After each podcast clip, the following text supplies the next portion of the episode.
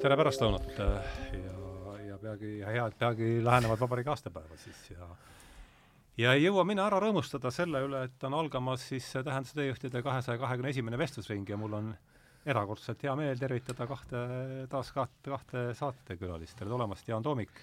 tervist! teist korda stuudios, eks ole ju? no täitsa imelik ja ei oleks uskunud, et veel kutsutakse ja sa olid siis Vano, Vano Alsaluga ja Naer hirmu üle oli selle saate saate nimi ja ja no nagu, nagu ma ütlesin, saated on olnud kakssada kakskümmend üks ja paljusid meelde on jäänud, äh, kui ma esimese hooga ütlen, äh, kakssada kakskümmend üks saadet, see on ligi nelisada viiskümmend tundi jutuajamist. mis on meelde jäänud, on Assa Krulli lause, et kui on huvitav, siis on järelikult vajalik. Äh, jäi meelde, on jäänud meelde siis Jaak Kikase tsitaat John von Neumannilt, et mõni asi on nii keeruline, et äh, selle asja kõige parem mudel on see asi ise. ja võib-olla üks kolmas pilt, mis mul tuleb meelde, seesama sinu see lugu, kuidas sa olid seal Volgogradis äh, vahipostil Zarathustra Vene soldati selle saapa vahel, see on äh, viimastest saadetest üks meeldejäävamaid äh,, meeldejäävamaid lugusid. ütleme, see oli üks pooltahtlik selline performance, võiks isegi öelda no. ta, tagantjärgi ja aga, ja siis eh, teise saatekülalisena täna esimest korda stuudios Tarmo Tedere, oleme sinuga muudes oludes eh, ja muude laudade taga jorutanud omajagu, aga, aga stuudiosse pole sa veel jõudnud. jah, sellest on üksjagu aastaid mööda läinud, kui me olime, olime rohkem. Äh, olime jah, rohkem õllelauas võib-olla. siin jah, ma teen täna debüüdi siin stuudios ja see meil algas väikese, väikese konarusega see asi, et Jaan helistas kümme minutit enne, et sa olid bussiga tee peale jäänud, siis ma mõtlesin, et see, et me nüüd kui me, hea, kui me neljaks stuudiosse saame, aga mis, mis juhtus?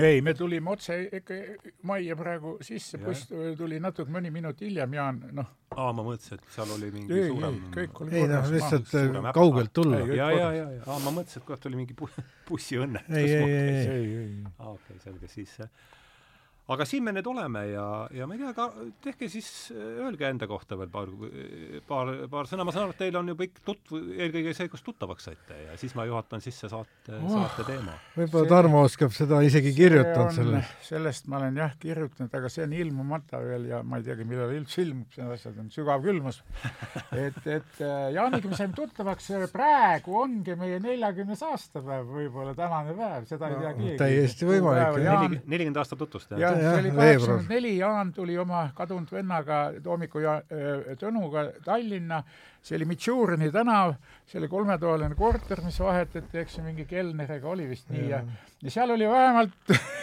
ja viiskümmend inimest, Miilus oli ja kadunud Mauri Raus ja Paavle Jaan ja kõik kadunud mehed olid ikka metsik, oli seal üks naine ka või? ikka rohkem oli. seal oli see oli küllaltki kire vaskaldamine. oi, see oli kõva, kõva tramburai oli, ma läksin õhtul tööle edasi, ma olin valvur tol ajal Tallinnas ja ja nõnda me Jaaniga oleme nüüd viimased aastad kangesti kala koos püüdnud ja, ja vahel tihemini läbi käinud, vahel eh, harvemini, aga nüüd jah, nõnda, kuidas asjad kulgevad nõnda, trehvame ja, ja, ja vanad sõbrad nii-öelda. üks on kunstnik, teine on niisugune kirjutaja inimene, et mitte öelda kirjanik. no ära nii tagasi Riigikogus peetakse ka ja nii ja naa, elu on elatud, kuuskümmend kuus koidab kahe kuu pärast. kuuskümmend kuus, oled minust kümme aastat vanem siis? ei, mis, äh, rohkem, natuke vähem. jah sa oled äh, kuuskümmend kuus? mina olen, saan ikkagi viiskümmend kaheksa nüüd jah, miskipärast ma jäin nagu kuuekümne, viiekümne kuue peale, tahtsin ennast panna vedama kaheksa aastat siis kaheksa aastat. ja, ja, ja Jaan, sina oled mis aasta mees? ma olen kuuekümne esimese, nii et ma saan nüüd selle aasta lõpupoole saan kuuskümmend kolm.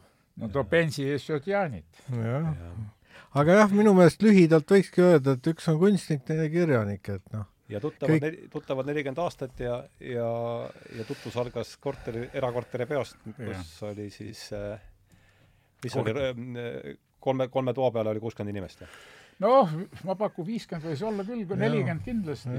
arvestades, et korteri noh, maht oli nelikümmend viis ruutu, siis oli päris tihedalt see. see, ütleme selle äh, nimega, nimistu järgi tundub, et Tallinna noorsoo paremik Tallinna noorsooparemik oli koos või? jah, seal oli veel lisaks, oli, oli seal igasuguseid äh, üliõpilasi siit-sealt ja ja isegi üks äh, ülikooli õppejõud ja, ja punkareid ja oli ka miilits. Ja see, temaga tekkis nagu selline väga naljakas seik, et äh, ta jõi ennast täiesti täis, enne seda ta seal uhkeldas kabuurid, püstol, püstolid kabuuris ja ja furaška peas ja siis ta jäi, jäi ennast nii täis, et jäi seliti magama, silmad lahti. nii palju oli ruumi. ja, ja siis üks, üks, üks, üks äh, patsifistlikust patsif-, patsifistlik äh, hipi tegi tema furaškale sellise patsifisti märgi ja siis ta hiljem selle avastas, oli juba tükk aega linna peal käinud sellega tead, ma panen selle asja kirja, kui ma täiendan seda lugu. no me ei hakka nimesid nimetama, aga noh, üldiselt oli tolle, tolleaegne selline jah, ma, ma olin ka valvur tol ajal ja, ja, ja siis me vennaga siis mõtlesime, et teeme ühe sellise, kuna see korter oli just värskelt saadud, teeme ühe sellise peo korraliku. Kutsume kõik tuttavad ja sõbrad kokku ja siis ma poole, ma sain seitsekümmend rubla palka, siis kolmekümne valvurina ka, Niguliste kirikus. Ja, ja siis äh, poole selle raha eest ma siis ostsin äh, igast süüa ja, ja, ja joodavat ja siis tegime pesukausi sisse kartulisalatit, noh, terve pesukausi täis, nii et noh, et see on improviseeritud ja äge, äge õhtu oli. Aga no kaheksakümmend neli, siis oli, Brežnev oli juba surnud, aga siis, siis oligi see suur matustehooaeg ju. no kevadel läks lahti, jah. Ja.. see oligi kaheksakümmend neli oli kaheksakümmend neli Andropov vist läks ära veebruaris. kuidas jah, ja siis oli Tšernenko, kas Tšernenko jõudis siis aasta olla ainult äh,? jah, aastakese oli. vahepeal oli see Rustinov ju läks ka veel, nii et see oli kõik vabu päevi oli palju seal ja kurva, kurva muusikat kostus ikka. sellesse aega meie tutvus siis nagu sai alguse. aga jah, vahepeal, vahepeal ega me ei ole, me oleme sellised privaatsust armastavad inimesed ja ja, ja, ja ükskord isegi ma nagu kergelt tegin etteheiteid Tarmole, et kurat, ei ole nagu pikalt nagu suheldud, siis ta ütles, pole nagu kõik jutud ju räägitud ka, tead no kui te kalal, kalal ka käite, siis? no kalal jah, käime ikka augi püüdmas ja ja noh, jah, ei, ma ei tea, palju endast rääkima peaks, et me, ma ei ole selline Vaino Vahingu ja Mati Undi tüüpi inimene, et kui kella kaheteistkümneks keegi pole helistanud, tekib ärevus. Äh, ma mõtlen ka seda seitsmekümnendaid aastaid keskpaiku ja seal kirjanikud helistavad ja räägivad. mina räägin siis, kui ma kellegagi kokku saan, kaks päeva ei helista mul mitte kedagi, nainegi võib-olla ei helista ja ja kui ma kokku linnas kellegagi saan, siis äh, juttu jätkub hirmsasti ja kui kaks-kolm inimest tulevad korraga, siis on väga raske kolme inimesega suhelda. intensiivsus on olemas sees, ainult Pedro, noh, ettekand-, täna on siin hea rääkida, sellepärast et et on teema ja ja, ja selle teema vastu ilmselt ka kuulajates huvi. Nojah, kui juba teema peale jutt läks, siis ma räägin siis omast nurgast, et kuidas mina sellesse saate, sellel saatel on pikem eellugu kui, kui tavaliselt, et minu seisukohast ulatub selle saate eellugu ma pakuks üheksakümne kaheksandasse aastasse ja hakkab pihta sellesama, sellesama raamatuga. et üheksakümmend kaheksa mina olin selleks, see on siis lääne tsivilisatsiooni Western Civilization yeah., Civilizations -huh. on selle nimi. üheksakümmend kaheksa ma olin siis juba tagasi koolist oma majandusmagistri paberitega ja, ja ega see ja noh, nende graafikute vastu huvi järjest vähenes ja, ja pigem tekkis huvi, nii et ma ei tea, mis asjaoludel, ma siis olin juba Toomas Manni lugenud ja mm -hmm. ja sattunud selle peale ja, ja mingitel asjaoludel ma tõl-, tellisin siis selle raamatu Amazonist ma käisin, see Eesti Posti kontor oli veel seal too, sealsamuses äh, Balti jaama juures kuskil.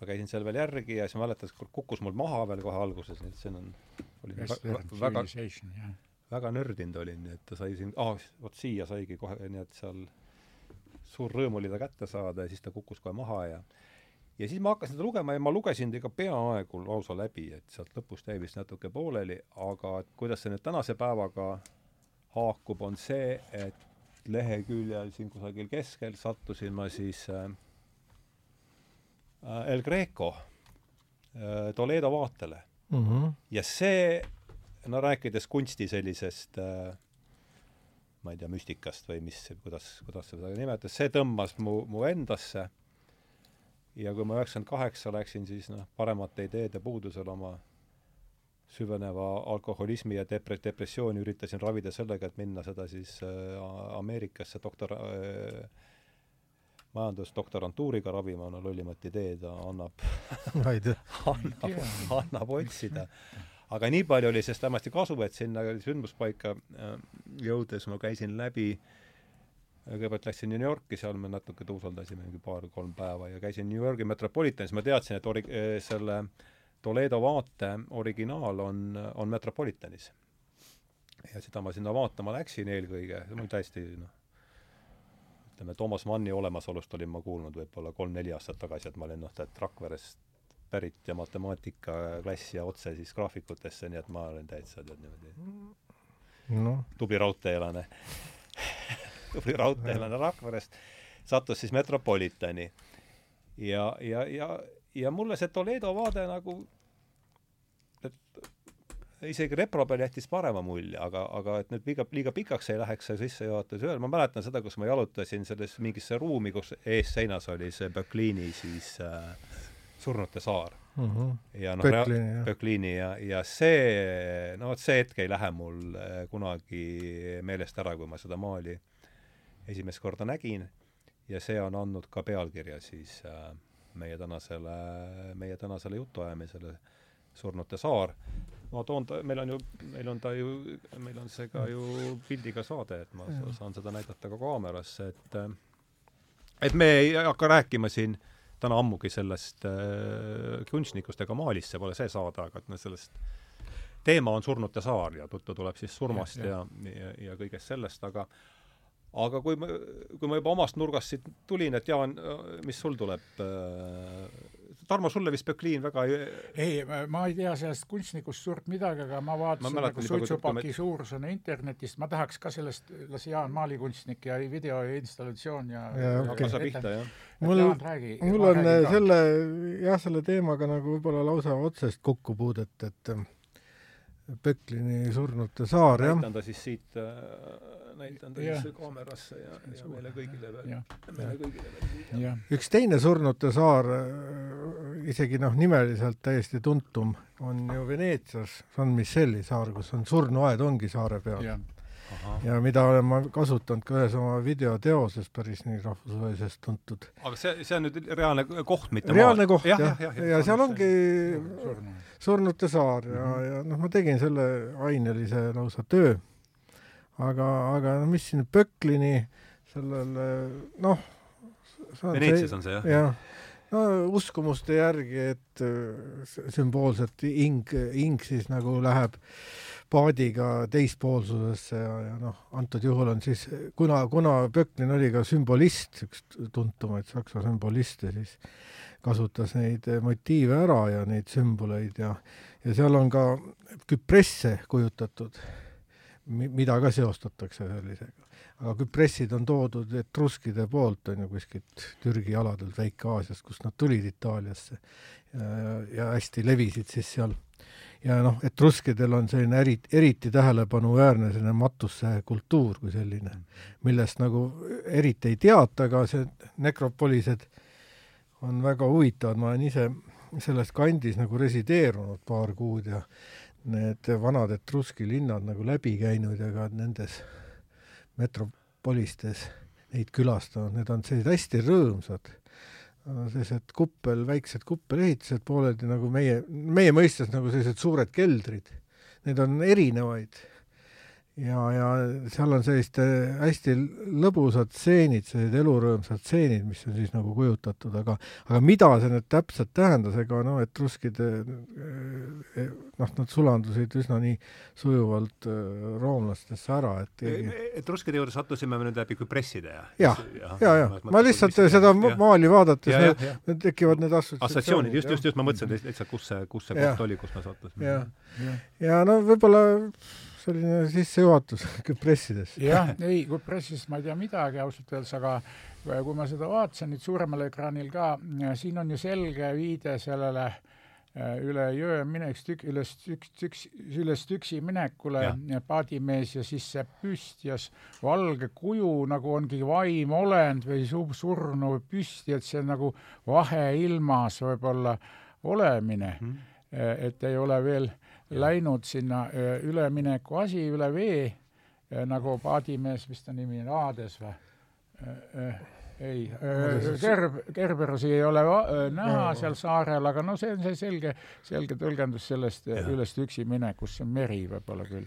saar, jah, ei oska no, öelda. meil on Tooneela jõgi, ütleme meie. üks oli siis see jõgi, mis, mis siis eraldas Kreeka mütoloogias siis ja, elavaid, elavaid ja surnutest. ja, ja ega siit rohkem ei oskagi kommenteerida, midagi välja mõelda et jõe asemel on meri, minek on selge sealt on see kunstnik selle saanud selle impulsi ja mis, mis ta seal teispoolsuse või seal saart kujutab, see on juba ka materialistlik väljendus küll. Äh, no aga siin maailmas peabki olema materialistlikud sellised asjad siin jah. ma olen seda ise seda tahagi rohkem tõlgendada. seda maali ka originaalis näinud. nojah, ma olen, mul oli ka sedasama ori-, kus sa nägid, need on mitmes varia-? ma isegi ausalt öeldes ei mäleta enam. Berliinis oli ka minu meelest ta, jah.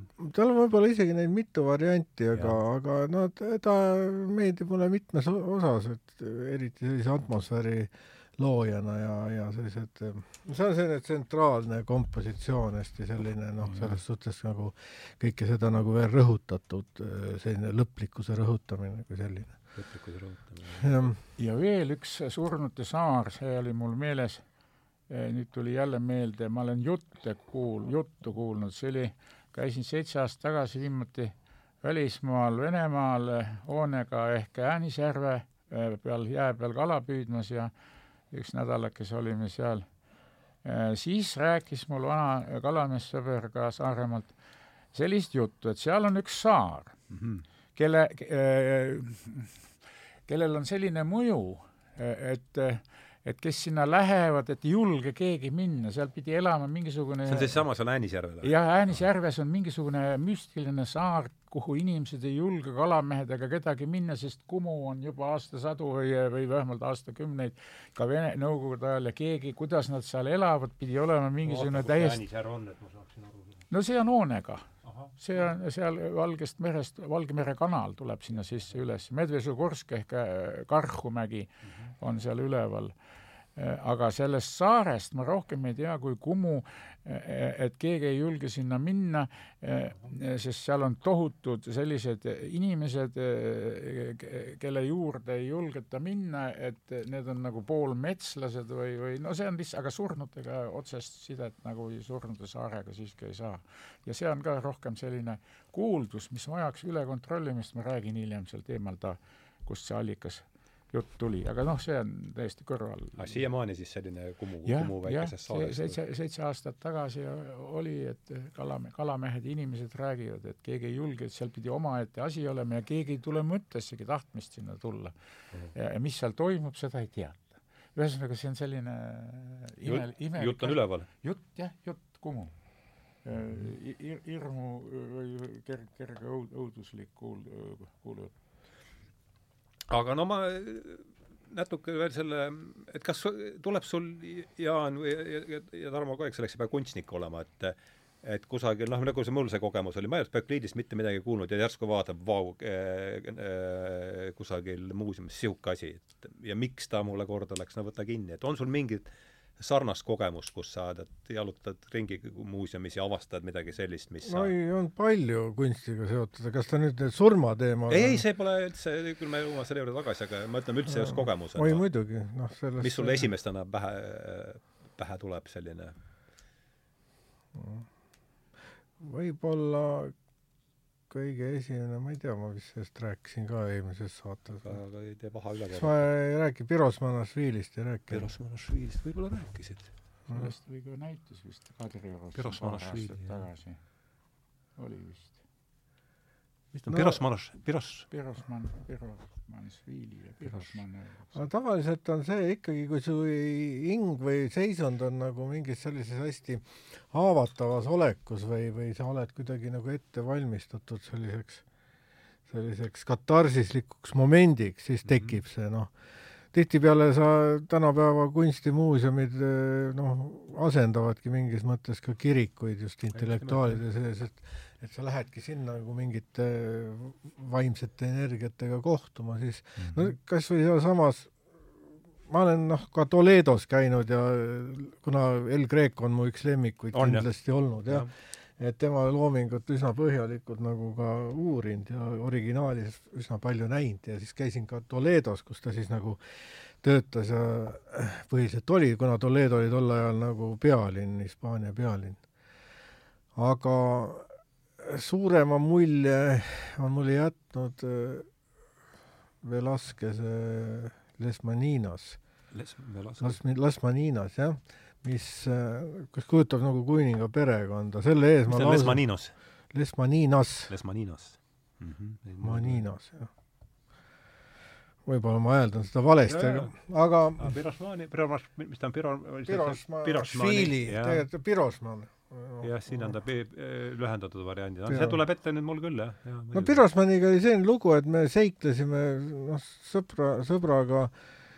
Kõigepealt sõitsime Krimmi, see oli vanal Vene ajal veel ja ja tahtsime ujuma minna, aga seal oli mingi külm hoovus, me ei saanud nagu kuidagi nagu pihta, merevesi oli mustas veres üheksa kraadi, noh.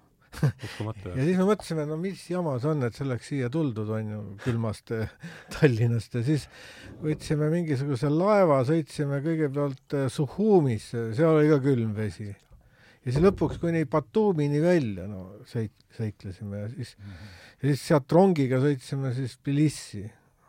kohapeal oli seal sellist seikluslikku toredaid tutvusi ja siis ma sattusin sinna Rahvusmuuseumisse ja, ja seal on muidugi väga hästi see Pirosmani Sviili esindatud mm. -hmm. ja, ja, ja käisin nendes saalides ja järsku ma tundsin sellist tohutu elu vitaalsuse võimu enda Aha. peale, see nagu tuli nagu voog, vooga peale, selline vahetu selline vitaalsuse ja, ja, ja oli see mingi kon elu... konkreetne teos või lihtsalt ei, see atmosfäär? see atmosfäär ja, ja, ja ma hakkasin, hakkasin täitsa nagu pidurdamatult nutma, noh, sellest wow. ülevusest, noh. tõsi ka?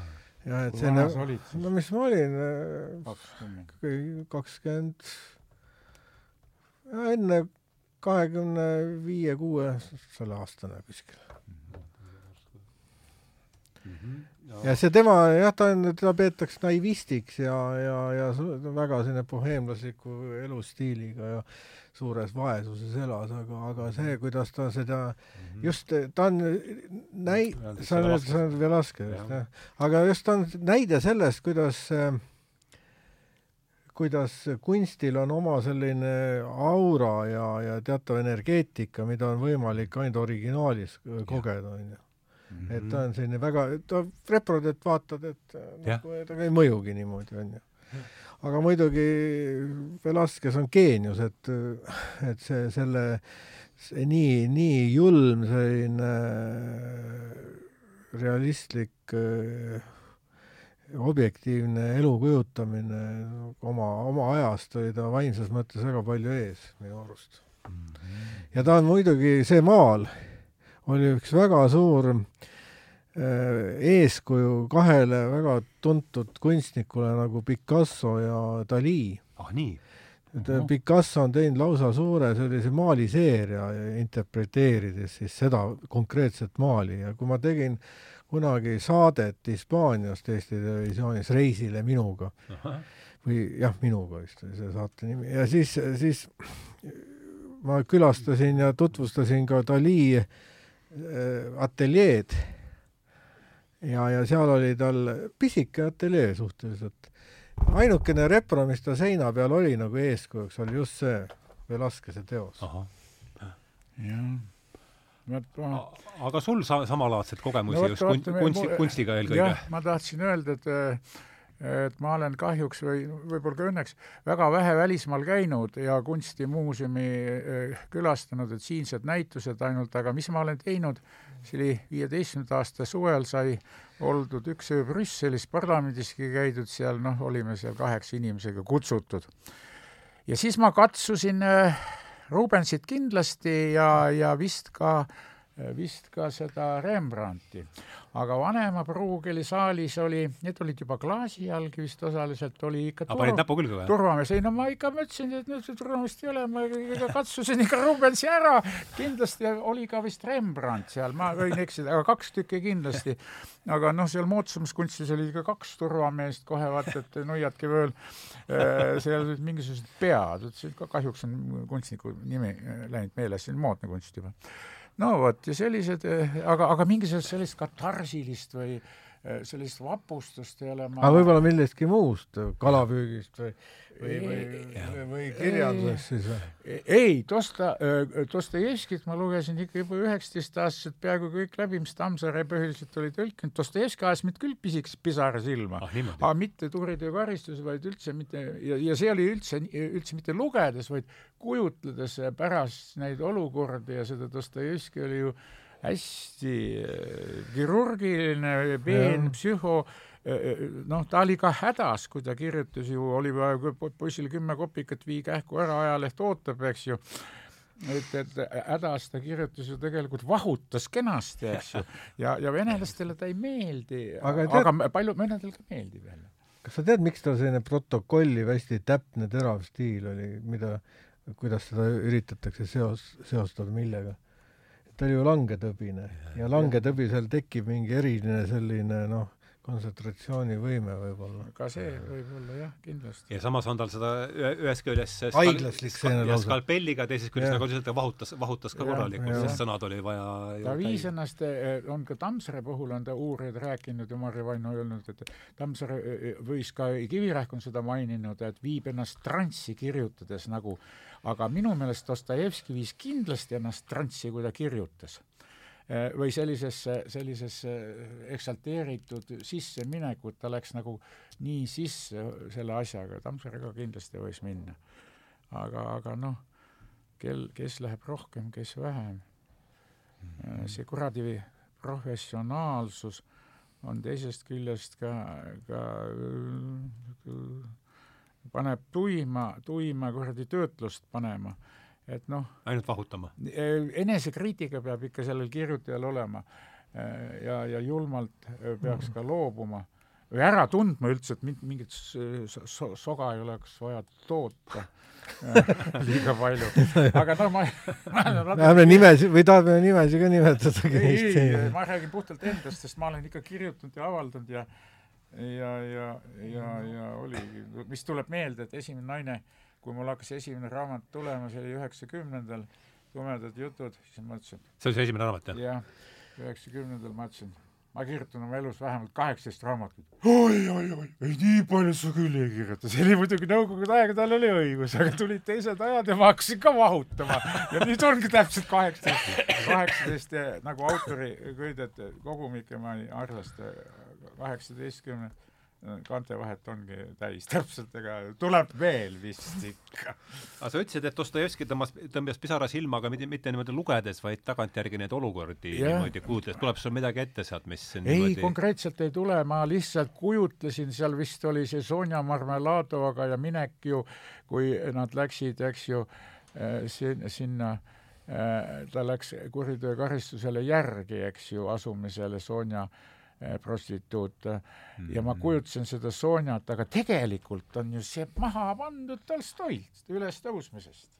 kogu see, see, see mm, kuriteokaristuse eh, või tähendab, Tolstoi pani pigem Dostojevski pealt. No, kuriteokaristuse lõpust ülestõusmine Dostojevski vist, kui ma täpselt mäletan see oli nagu Dostojevski pealt pandud täiesti äratuntavalt. ja ma ei tea, ja ükski, ma ei lugenud, et keegi oleks viidanudki sellest, kindlasti on uurijad seda, raamatu riiulitäied uurimus iseenesest, aga no see tegelikult praegu kõrvalteema, saatejuht ma ei ole, aga meil oli nagu surnute saarest, et üldine surmateema. ja, ja meil tuli siis katarsise kaudu, küll me jõuame no,. jõua, eks sa ise tead ju, aega meil on ju kõvasti. aga räägi, enne veel võtaks seda, et kas Dostojevski sul ma arvan, et Dostojevski kaudu pole halba üldse selle surmale see tuleb mulle jälle meelde Nõukogude sõjavägi.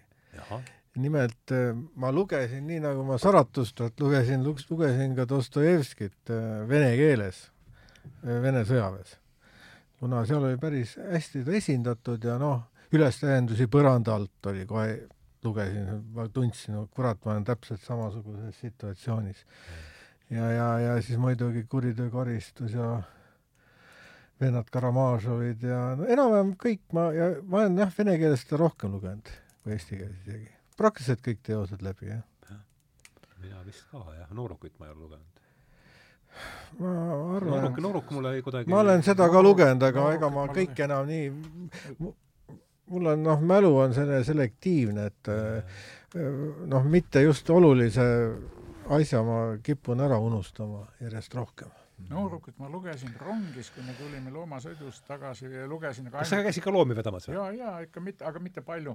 noorukit jah, vene keeles lugesin ja mu-, no vene keele oskus on vilets tol ajal ja ega ta praegu palju parem pole, no muidugi loen, kui vaja, aga Norg jätnud mulle ka muljet eriti, aga noh, võib-olla tänu vene keelele ka, aga noh. ja see on jutustus üldse, mingi nelisada lehekülge, see ei ole mingi romaan. seda on vene keeles suht lihtne lugeda, võrreldes ütleme Tšehhoviga näiteks ah,. jaa, ta on, see on hästi täpne sõnakasutus, Tšehhovil on selline poeetiline keel ja palju selliseid sõnu, mida sa no kohe noh, tar-, tarbekeeles ei kasuta nagu mm. -hmm. aga ah soo, mul veel, et eh, üks teema ennem sa ütlesid, sul oli Zaratustra kirsa äh, Kirsa sä-, sä-, sääres, eks ju, aga mul oli sellest Zaratustraga teine lugu. Mm,, sa ju por-, Porkasaabast mäletad, mu vana sõber, kellega me panime no, noor, noorukina filosoofiat hirmsasti, nii palju kui eesti keeles kätte saada, oli filosoofia ajalugu ja kõiki asju. ja tema siis ma ei tea, ma olin hullumajas jah, siis ta salaja muukis, et mul selle kuradi mingisuguse laeka lahti, mul olid seal no, kogusime Norrastast vennaga vana münt, münti, mul oli isegi kurat üks Rooma münt, mis läks ma ei tea kus koota. vahetasid ja ka ära Zaratustra vastu, mingisugused kurat, ma ei tea, mis hõbemündid mul olid, seitsme, kaheksateistkümnenda sajandi Venemaa rula ja, ja siis Zaratustraga niisugune saabas seda lõi, jõi, jõi peeti ja ma läksin kala püüdma, vaatan, kurat, Zaratustra raisk, lehed on võsa all sitaga koos. ta oli perset pühkinud selle Zaratustraga nii et see ei olnud kirsa saapas sees, vaid ja oligi, sinna see Zaratustra läks. Mm.. ma ei saanudki tolle ajal seda kaks, Zaratustrat kaks sellist äh, sümbolistlikku momenti on ju. jah ja. samas saates kokku ja aga no läheme siis ja, äh, ja. et sa meelde tuletasid, et Surnute saar on meil see ja see kujund ja, ja maailm, mis meid siin kokku on toonud, aga aga mis oleks, kui läheks teda Dostojevski kaudu niimoodi, liiguks edasi, et, et kuidas mingi silda sinna vahele no.? surm Dostojevski. no kui, kui lõi ikka ta kirvega näkku no. Eh, selle teenijale Eh, keda ta ei tahtnudki tappa, eks ju, vanaisa ta tappis ära, see oli nagu moraalselt või tähendab filosoofiliselt nagu õigustatud, aga teine tuli kogemata vahele. ja see ei tõstnud kättki ette, kui ta lajatas selle, eh, selle, ma olen vist ka kaks korda seda lugenud. see mul tuli ka meelde, et ta ei tõstnud kätt isegi. see oli, vaata see ongi see Dostojevski võikus ja see eh, skalpeeriv, kas skalpelliline lõikuvus ja täpsus just seal, just see, selles, ta kujutles ju seda kõike, Dostojevskil oli tohutu julm ja aga jah, kujutlusvõime tugev väga. jah, ja, ja, ja noh, see kas või sellest surmast noh, löödi inimene maha, kus ta läks, kus see eh, teenetüdruk läks? Stiksi jõe peale esialgu siis või? vaata, ongi, tähendab, natuke naljakas rääkida sellest minu puhul, nagu ei olegi surma olemas. tähendab, surm on puhtalt no enamiku inimeste jaoks on olemas surm. surm on lihtsalt eh, suurema olemise, suurema üldise, ütleme, ääretu olemise või eh, see üleminek ühest eh, vaimsest plaanist teise vaimsesse plaani, Pardosse ütleme sinna mm, -hmm. siis Tiibeti. kaua see kestab seal, eks ju, Tiibeti ja ma olen selle surmateemaga, noh, ma olen surmal mitte väga lähedal käinud, aga ikka olnud sellises noh, mineku peal nii-öelda eh, mõne haigusega siin viis-kuus aastat tagasi süstiti mind ilma lõikuseta kinni, kui ma oleks verest eh, tühjaks jooksnud enda soolikate sisse, oli mul see haavand olnud, ilmselt selle helikobakterist tingituna oli mul selle kuradi äh, kaksteist sõrmiku suur haavand, mis imitses, oli vererõhk oli ka ainult kaheksakümmend, viiskümmend, ma oleks mõne päevaga võib-olla kutu olnud. aga oli kõrgprohv oli, süstis kahe voolikukese kaudu adrenaliiniga mul selle haavandi kinni. kõik, jah, ja, ja, ja oli paar, paar ööpäevakest intensiivsis ja tulin välja, mitte midagi. kahe kuu pärast hakkasin uuesti jooma, kui selgus, et haavand on kenasti fibriiniga kõik kinni kasvanud ja kaluri sünnipäeval mind toodi lausa ära täielikult mäluaugust, et magasin Argentiina jalgpalli MM-i matšid ka maha. Sedasi ja teist korda, noh, pole võib-olla mõtet rääkidagi sellest oma isiklikust haigustest. olin ma neljanda astme vähis, siin tegin aga tööd ja langetasin puid ja pane nüüd, paneme asja perspektiivi, astmed on üldse mis neli ongi. neli ongi. neli on ja neli mul ongi. oli, mul oli nõrk neljas siirdekesed olid, mul oli noh, üks vana joodiga, oh, mul lõigati see välja, see on lümfoom on, või see song, kurat, mul oli lümfoon oli kere peal ja ja siis ma sain ikka keemiat kenasti, see oli ka nagu haneselge vesi, see keemia pühkis selle lümfooni no viimase keemiaga oleks ära läinud ju. no vot oligi, seal oli selline asi mille, kaua, kaua aega tagasi see nüüd oli? see oli kahekümne teisel aastal. see on nüüd alles siis ju? jah, kahekümne teisel aastal oli, aasta tagasi ma olin, oota, mis täna on, veebruar, ma olin päris nõrk veel taastumisest haiglas, olin neli nädalat, kui mul tehti ma ei tea, kas seda on mõtet rääkida. see jutuks tuli, aga me jaa, noh, see me... oli, oli lümfoom ja siis neljanda keemiaga juba hakkas ära ka, viiendaga oli välja kustud, kuues tehti ka ja siis separeeriti verd, afreesiti, tähendab siit kanüüli kaudu neli pool tundi seda tüvirakulist verd luuüdi vanasti siirdetega, nüüd on meditsiin tohutult arenenud ja neli pool tundi ma panin ühe käega seal arvutiga, tegin naiste maailmameistrivõistluse Olipetil pisikesed sartsad panused ja verdega separeeriti pool liitrikest välja, see läks miinus sada viiskümmend külma kaheks kuuks järgmine päev me olime püsti ju Kübassare all, püüdsime kala, see oli kõik ja, ja, ja siis, siis süstid sulatatakse üle ja tehakse, tehakse, kantakse see veri tagasi sulle. aga enne seda tehti metsik keemia mulle, kõrgdoosiline nädal aega, mitte midagi, ega see ei ole hullu. ja siis nagu auto taga, tagaistmel seal, ma ei tea, need suusatajatel tehti, räpases palatis, üks, neljane palat ja, ja muidugi siis kee-, keemia tambitakse see immuunsus täiesti nulli ja siis üheksakümmend protsenti äh, peale seda äh, saavad mingisuguse nakkuse, ükskõik millisega. kurat, ma sain sepsise ja oli seal koefitsient oli nelisada, räägiti, et kolmsada on surm juba saadi ja. kähku jaole ja siis lükati saja peale alla ja neljakümne alla ja ka peale seda ma olin siin sa nüüd istud ja räägid? siin ma istun ja räägin, kurat, ja äh, ühesõnaga sai, sai nädalakese olin seal ikka päris üksiga välades päris sitas seisus aga, aga siis tulin välja täpselt äh, graafiku järgi, veri läks kümnendal päeval käima nii-öelda uut tootmist tegema. Ja, ja, ja nelja nädalaga olingi väljas ja hakkasin vaikselt kuu aega munema. Ja mis siis oli, märtsi lõpus olime jälle, olime munadeni sees võrku panemas. Ja hakkasin saunas käima ka märtsis juba, see oli nüüd kahekümne teise, kolmanda aasta jutt juba jah. Yeah aasta tagasi umbes, jah. on aastakesed läinud ja kärakas on uuesti ja mõni imestab, mõni rahvakirjaniku poeg imestab kaheksa-aastane, kurat, mis jama see on, kõik need vanad mehed, kes vähist välja ravitakse, hakkavad uuesti jooma. Ei tea, ei no joomist õpid eluaeg, selgeks ei saa, eks ju, joodikut parandab haud, eks ju, aga, aga noh, ma olen enesekriitiline ja tubli usin õpilane, püüan ikka selgemaks saada seda asja, et nädalas korra tuleb ikka võtta. Mm. -hmm no ma ei tea, kas seda on mõtet öelda, et ma eile jõin pudel viina ära. enne sauna saunas ja siis mehi oli vähe ja peale sauna ka veel. kaua sa sõidad bussiga, tead nelikümmend viis minutit vahid hakkasid tumedad tööle. et Hardole jutud võib-olla ei meeldi, see, sina oled vist olnud juba ikka kümme korda. sai nüüd üksteist aastat, jah palju õnne see on, see on äh, suur aga asi. seal ei olnud ka suurt valikut, jah? no aga alkohoolik sa oled ikkagi, aga mitte tegev alkohoolik. aa, siis ma käisin ju kunagi eelmine sajand ka aa-s paar, kolm-neli korda ja vaata. kui sa ise ei suuda ja ei taha, siis ei ole sellest aastast erilist abi. jah, kui ise peab tahtma, jah Ja. aga tuleme vahepeal Jaani, Jaani, Jaani juurde ka ikkagi tagasi, et ei, ma täitsa suur... vabalt äh, kuulan hea meelega, aga ma eks Dostojevski puhul ja, ja tahtsid... paar mõtet, et äh, miks teda võiks käsitleda nagu surmateemaga natuke. vaata nimelt äh, mul on äh, kõrvalt kogemus, mu vend oli traumaatilise epilepsiaga ja see ta lõpuks see oli siis Tõnu või? Tõnu jah, see ta lõpuks ära võttis, kuna see gra-, vaat seal on selline spetsiifiline asi, et krambi hoo ajal, kui see nagu hõlmab tervet keha, siis inimene ei saa hingata. ja kui see krambi hoog kestab liiga kaua, siis sa lihtsalt lämbud.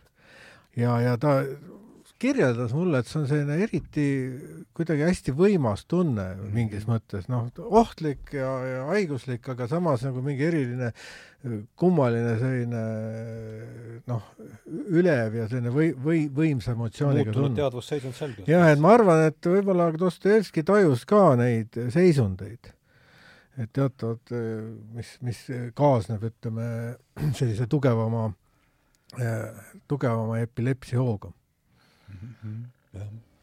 no seal on ju, vürsti päästab see epilepsiahoog seal äh, no, idioomis, ma tulen ma arvan, et see oli võetud ka tema enda elust ja. puhtalt. jah, jah, jah, jah jah, Tõnuga me käisime ka, ikka käisime ka no, salaja Venemaal lõhet püüdmas seal eh, Põhja-Karjalas polaarjoone all.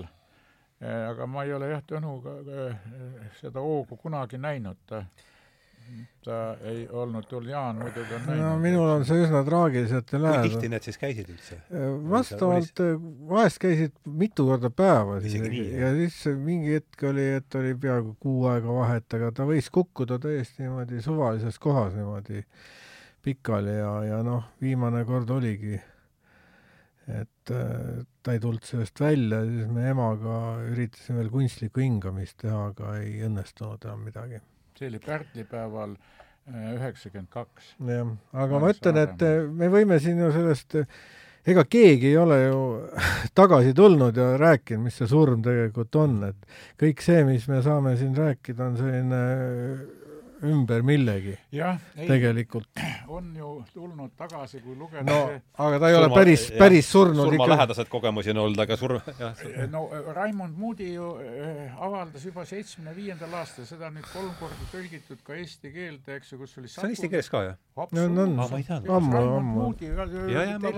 Kaupluse seinakappi? Seal on ikka sadu ja sadu ja kõik need on ühesugused, noh, et kui inimene ära sureb, siis ta on kimbatuses, vaatab ennast, liigub läbi haigla seinte, vaatab ennast ülevalt tänaval, kui oled võib-olla süda on seisma jäänud ja, need inimesed, ütleme nüüd robusti, pannakse, äh, kes tagasi on sealt tulnud, ühesõnaga pannakse jalaga persse teataval põhjustel, kas äh, on väga palju maiseid nii-öelda koormisi, lapsed, perekond kukil, võib-olla sealsed jõud, ühesõnaga, aga, aga mis selle läbiv, läbiv asi on see, et kui sa nii-öelda sured, äh, see kliiniline surm nii-öelda ütleme, äh, siis, siis, siis, siis sa lähed nagu ütleme, Jeeriku pasunid või need metsikud helid nagu tunnel, lähed kusagile. Need on nüüd siis need surmalähedase kogemused, mida Moody kirjeldab siis ja, selles raamatus, eks? ja need on kõik korduvad inimesed, kes on sealt tagasi tulnud, häbenevad seda, et need lolliks ei peeta. aga ta küsitles neid ja, ja rääkis ja nad on tulnud ja nad noh, ütle palun selle raamatu nimi ka, on sul meeles? elu pärast elu, elu. Life after life vist on inglise keeles, aga eesti keeles on see kolm korda vähemalt vist, kaks kindlasti. juba kaheksakümnendatel oli ta. kaheksakümnendatel ja nüüd, nüüd, nüüd ka, see on niisugune paar sada, kakssada lehekülge. ja siis on selline asi, et kui inimene nagu läheb, tähendab sureb, ütleme nõnda, siis on üks, võtab ta vastu üks selline ülim valguse olend, eks ma nimetan seda vaimolend, kes on väga armastuskiirgab ja kõike seda, mina tõlgendan seda nagu päikese paremaks käeks, ütleme nõnda praegu siin maises sfääris, eks ju. ja ta võtab siis ja, ja siis äh, seal ei ole aega, mõni ütleb viis minutit, mõni ütleb sekund, mõni ütleb viis sekundit, kogu su elu äh, no sellest on jutustatud, et see surma, surras jookseb sul lindina läbi, kõik halvad teod, head teod ja keegi sind selles ei süüdista, vaid sind nagu kuulatakse, kuulatakse ära mm. -hmm ja kas sa siis lähed edasi, siis ütleme juba siis sinna Surnute saarele või üle Ade või sinna Aadese riiki üle Stüksi või Toonela.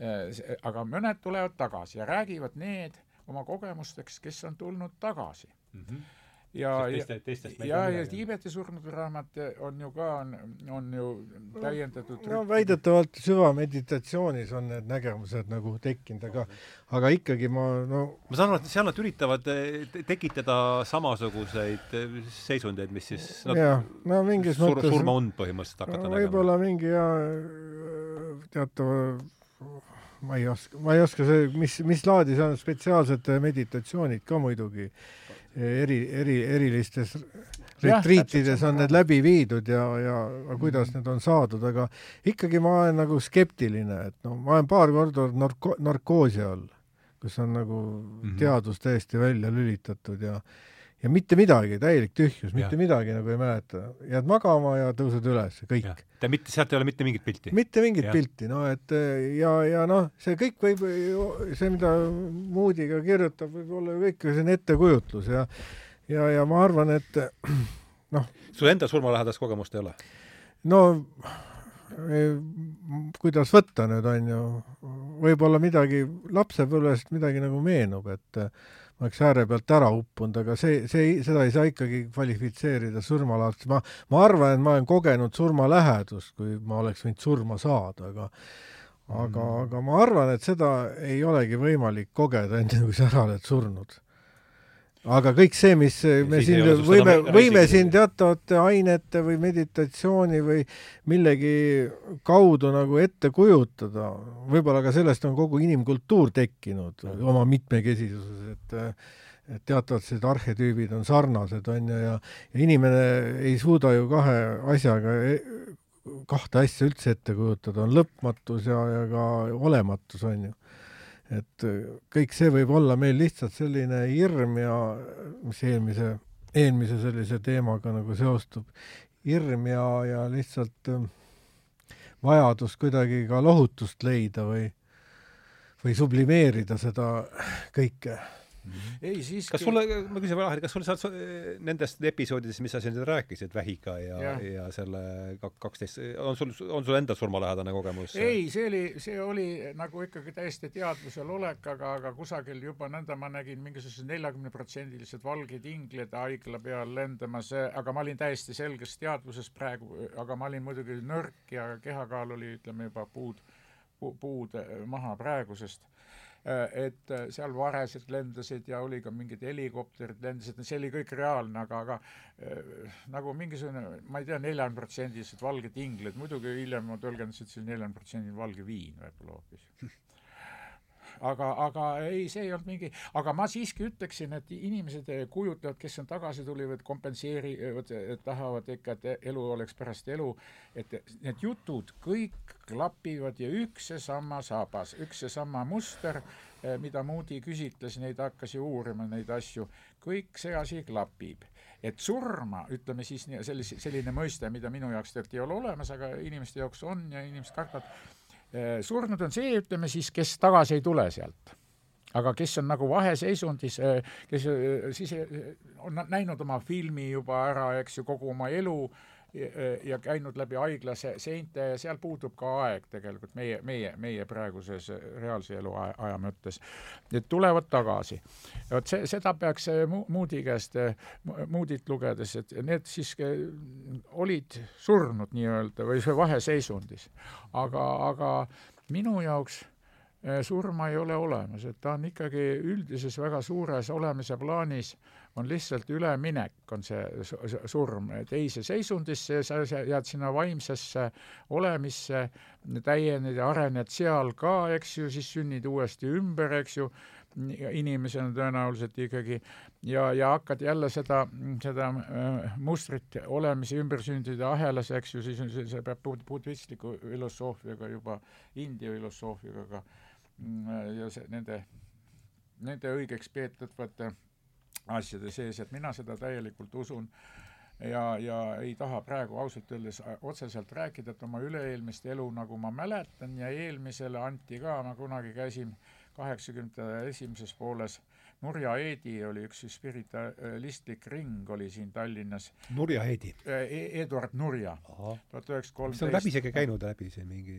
jaa, seal käisid kõik need Viivi Luiged ja Jõeridid ja kõik on sealt kuigivõrd läbi käinud, Müllersais vist ei käinud, ta oli Tartus aga, aga jah, temal oli see valguse kandjad ja tal oli kolm äh, asi, piibel, vaimne Emmanueli tunnistused ja siis see Urantia kirjad. Seda tõlgiti inglise keelest siis juba äh, see on muidugi tõlgitud juba välja antud, tema oli spiritualist ja juba esimese vabariigi ajal olid ju äh,, ilmusid vastavad äh, nende äh, spiritualistide ajakiri oli äh, mis ta oli, Kööleri tänaval oli toimetus, okei okay,, praegu ei tule meelde selle ajakirja pealkiri e,, kus mu jutt nüüd hargneb lõpuks välja, et Eduard Nurja oli siin üks. jah, Nurja spiritualist oli, ta oli tuletõrjes, vot tema siis olevat näinud mind ühes viimases elus, et ma olevat seal kuskil peale sõda mingi Stalini ajal või metsavendade ajal, ta oli, töötas tuletõrjes Kuressaares ja sinna oli jooksnud üks noor poiss, mingi, ma ei tea, kus ta, võib-olla et üheksateistaastane.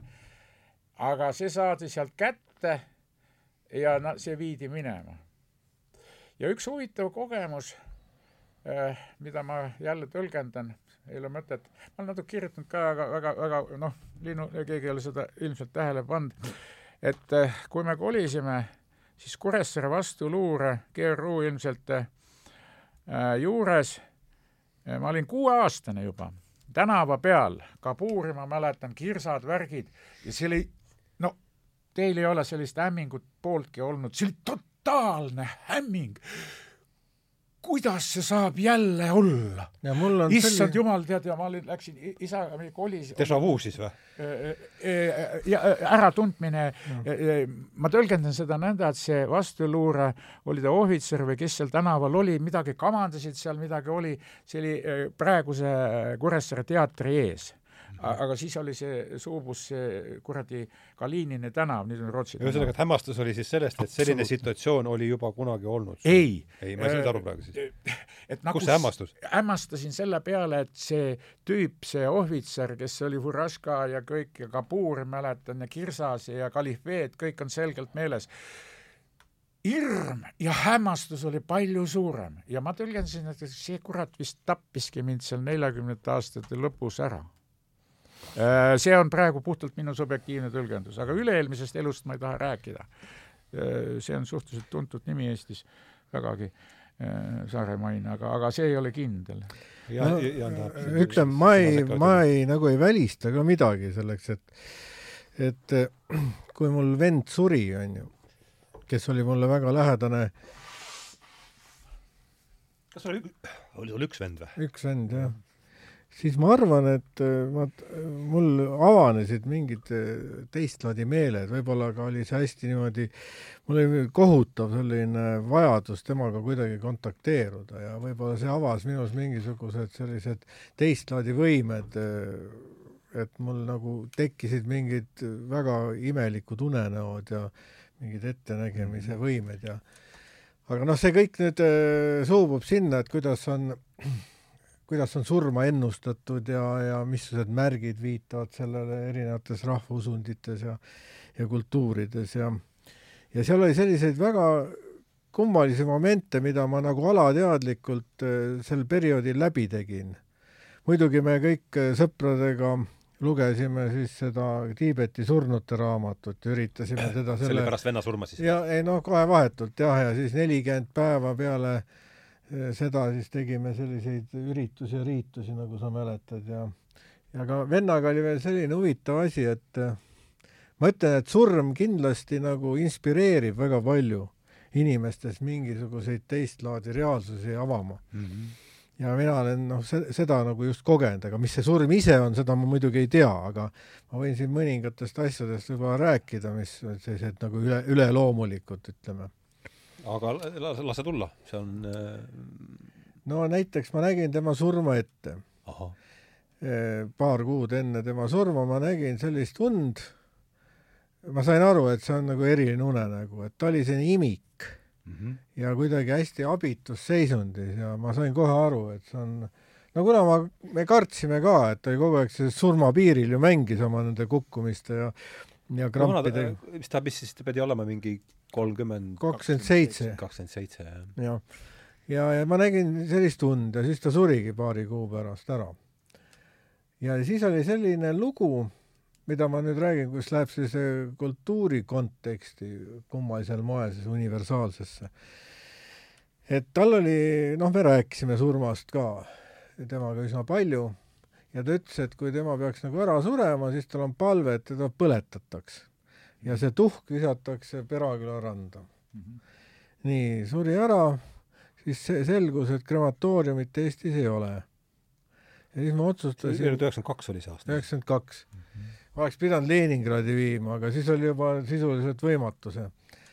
ja, ja siis äh, ma matsin ta maha ja siis, kui tekkis Pärnamäele krematoorium, siis ma kaevasin selle laua ülesse, kirstu oh..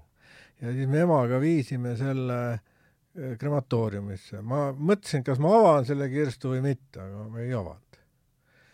ja siis läks seal hästi kaua aega selle põletamisega miskipärast.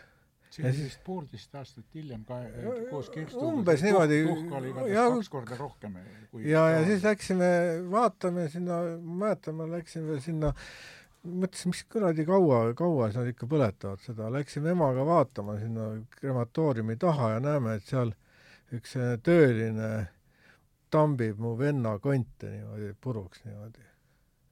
noh, selliseid tuhastunud konte et see oli päris, see oli väga kummaline kogemus tegelikult ja siis äh, me tegime sõpruskonnaga sellise rituaali, et siis äh, viisime ta sinna merre, onju, mina ja ema viskasime selle tuha siis sinna merre ja nii siis see jäi, onju. ja siis, millest ma siis nüüd tahan rääkida, et äh, kuidas ma midagi alateadlikult või mingit veidrat struktuuri nagu läbinud mm. -hmm et eh, juhtus paari või kuu aja pärast ma juhtumisi nägin antropoloogia festivalil linastunud filmi Palimatused. ja seal oli selline asi, et eh, kui inimene sureb, siis ta peab läbima kõik need, eh, kõik need olulised elemendid, maa, tuli, vesi, õhk, on ju mm. -hmm ja siis mina nagu tegingi kõike täpselt samamoodi, et kõigepealt matsin ta maa sisse, siis põletasin no, ära. kukkus välja niimoodi? jah, ja siis viskasin õhku ja see, see tuhk läks siis vette. nii et noh, sai väga, väga, väga korralikult ta maha maetud lõppkokkuvõttes. ja seda ma ei teadnud ennem üldse. Mhm. ja siis oli unenägudest oli veel mingeid väga huvitavaid momente, et ta ilmus nagu unenägudesse lasi mul lugeda teksti, et mis juhtub siis, kui inimene ära sureb. ma lugesin ja tundus see nii imelik olevat ja mul oli see kõik täitsa meelest ära, kui ma ärkasin. aga mõningad asjad jäid nagu meelde, et, et seoses näiteks tulega, et mida, mida me kasutame igapäevaselt matusrituaalides, et, et tulest ja sellest tulesuitsust nad surnuhinged saavad nagu jõudu ja kontakti elavatega mm. -hmm. jah, võib-olla ma seda alateadlikult teadsin, aga selline info tuli temalt, mhm. onju. ja, ja palju-palju muid see oli siis unenäos? unenäos, jah see, et venda, venna peale, mul on ju ka tegelikult kaks venda olnud. esimene vend oli, oli suur Hispaaniast pärit vist krepi kõhukelmepõletiku suri, kui ma olin seitsmendat kuud ema kõhus see oli siis viiekümne kaheksanda aasta veebruaris mm. -hmm. su ema nõus veel ei ole? ema on ka üle, üle kahekümne aasta juba, isa ka kakskümmend kaks või aga, aga jah, ja ma olin, ma mäletan seda matust ja pilti on ka ja see kasukas punnis kõht, ma olin ise seal matustel, oma venna matustel, ema kõhus sa äh, mäletad seda?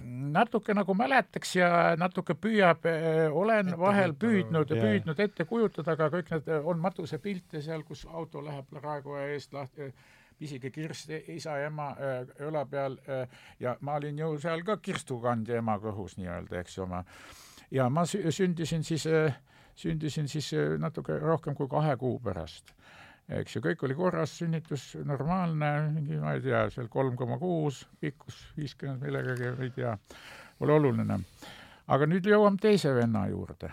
teise vennaga mulle vend on ka juba seal kust tagasi ei tulda. ka noorem vend. noorem vend ja., jah, aga teine oli nagu vanem, keda ma ei saanud näha, ta elas vaevu aastaseks, kümme päeva vist jäi puudu, tal oli kõhu, kelme, põletik oh., haiglas midagi Kuressaares ja siis möllas ka see kuradi gripp aga see ei olnud põhjus. okei okay,, see pole tähtis, suri, kust tagasi ei tulda, seda surma.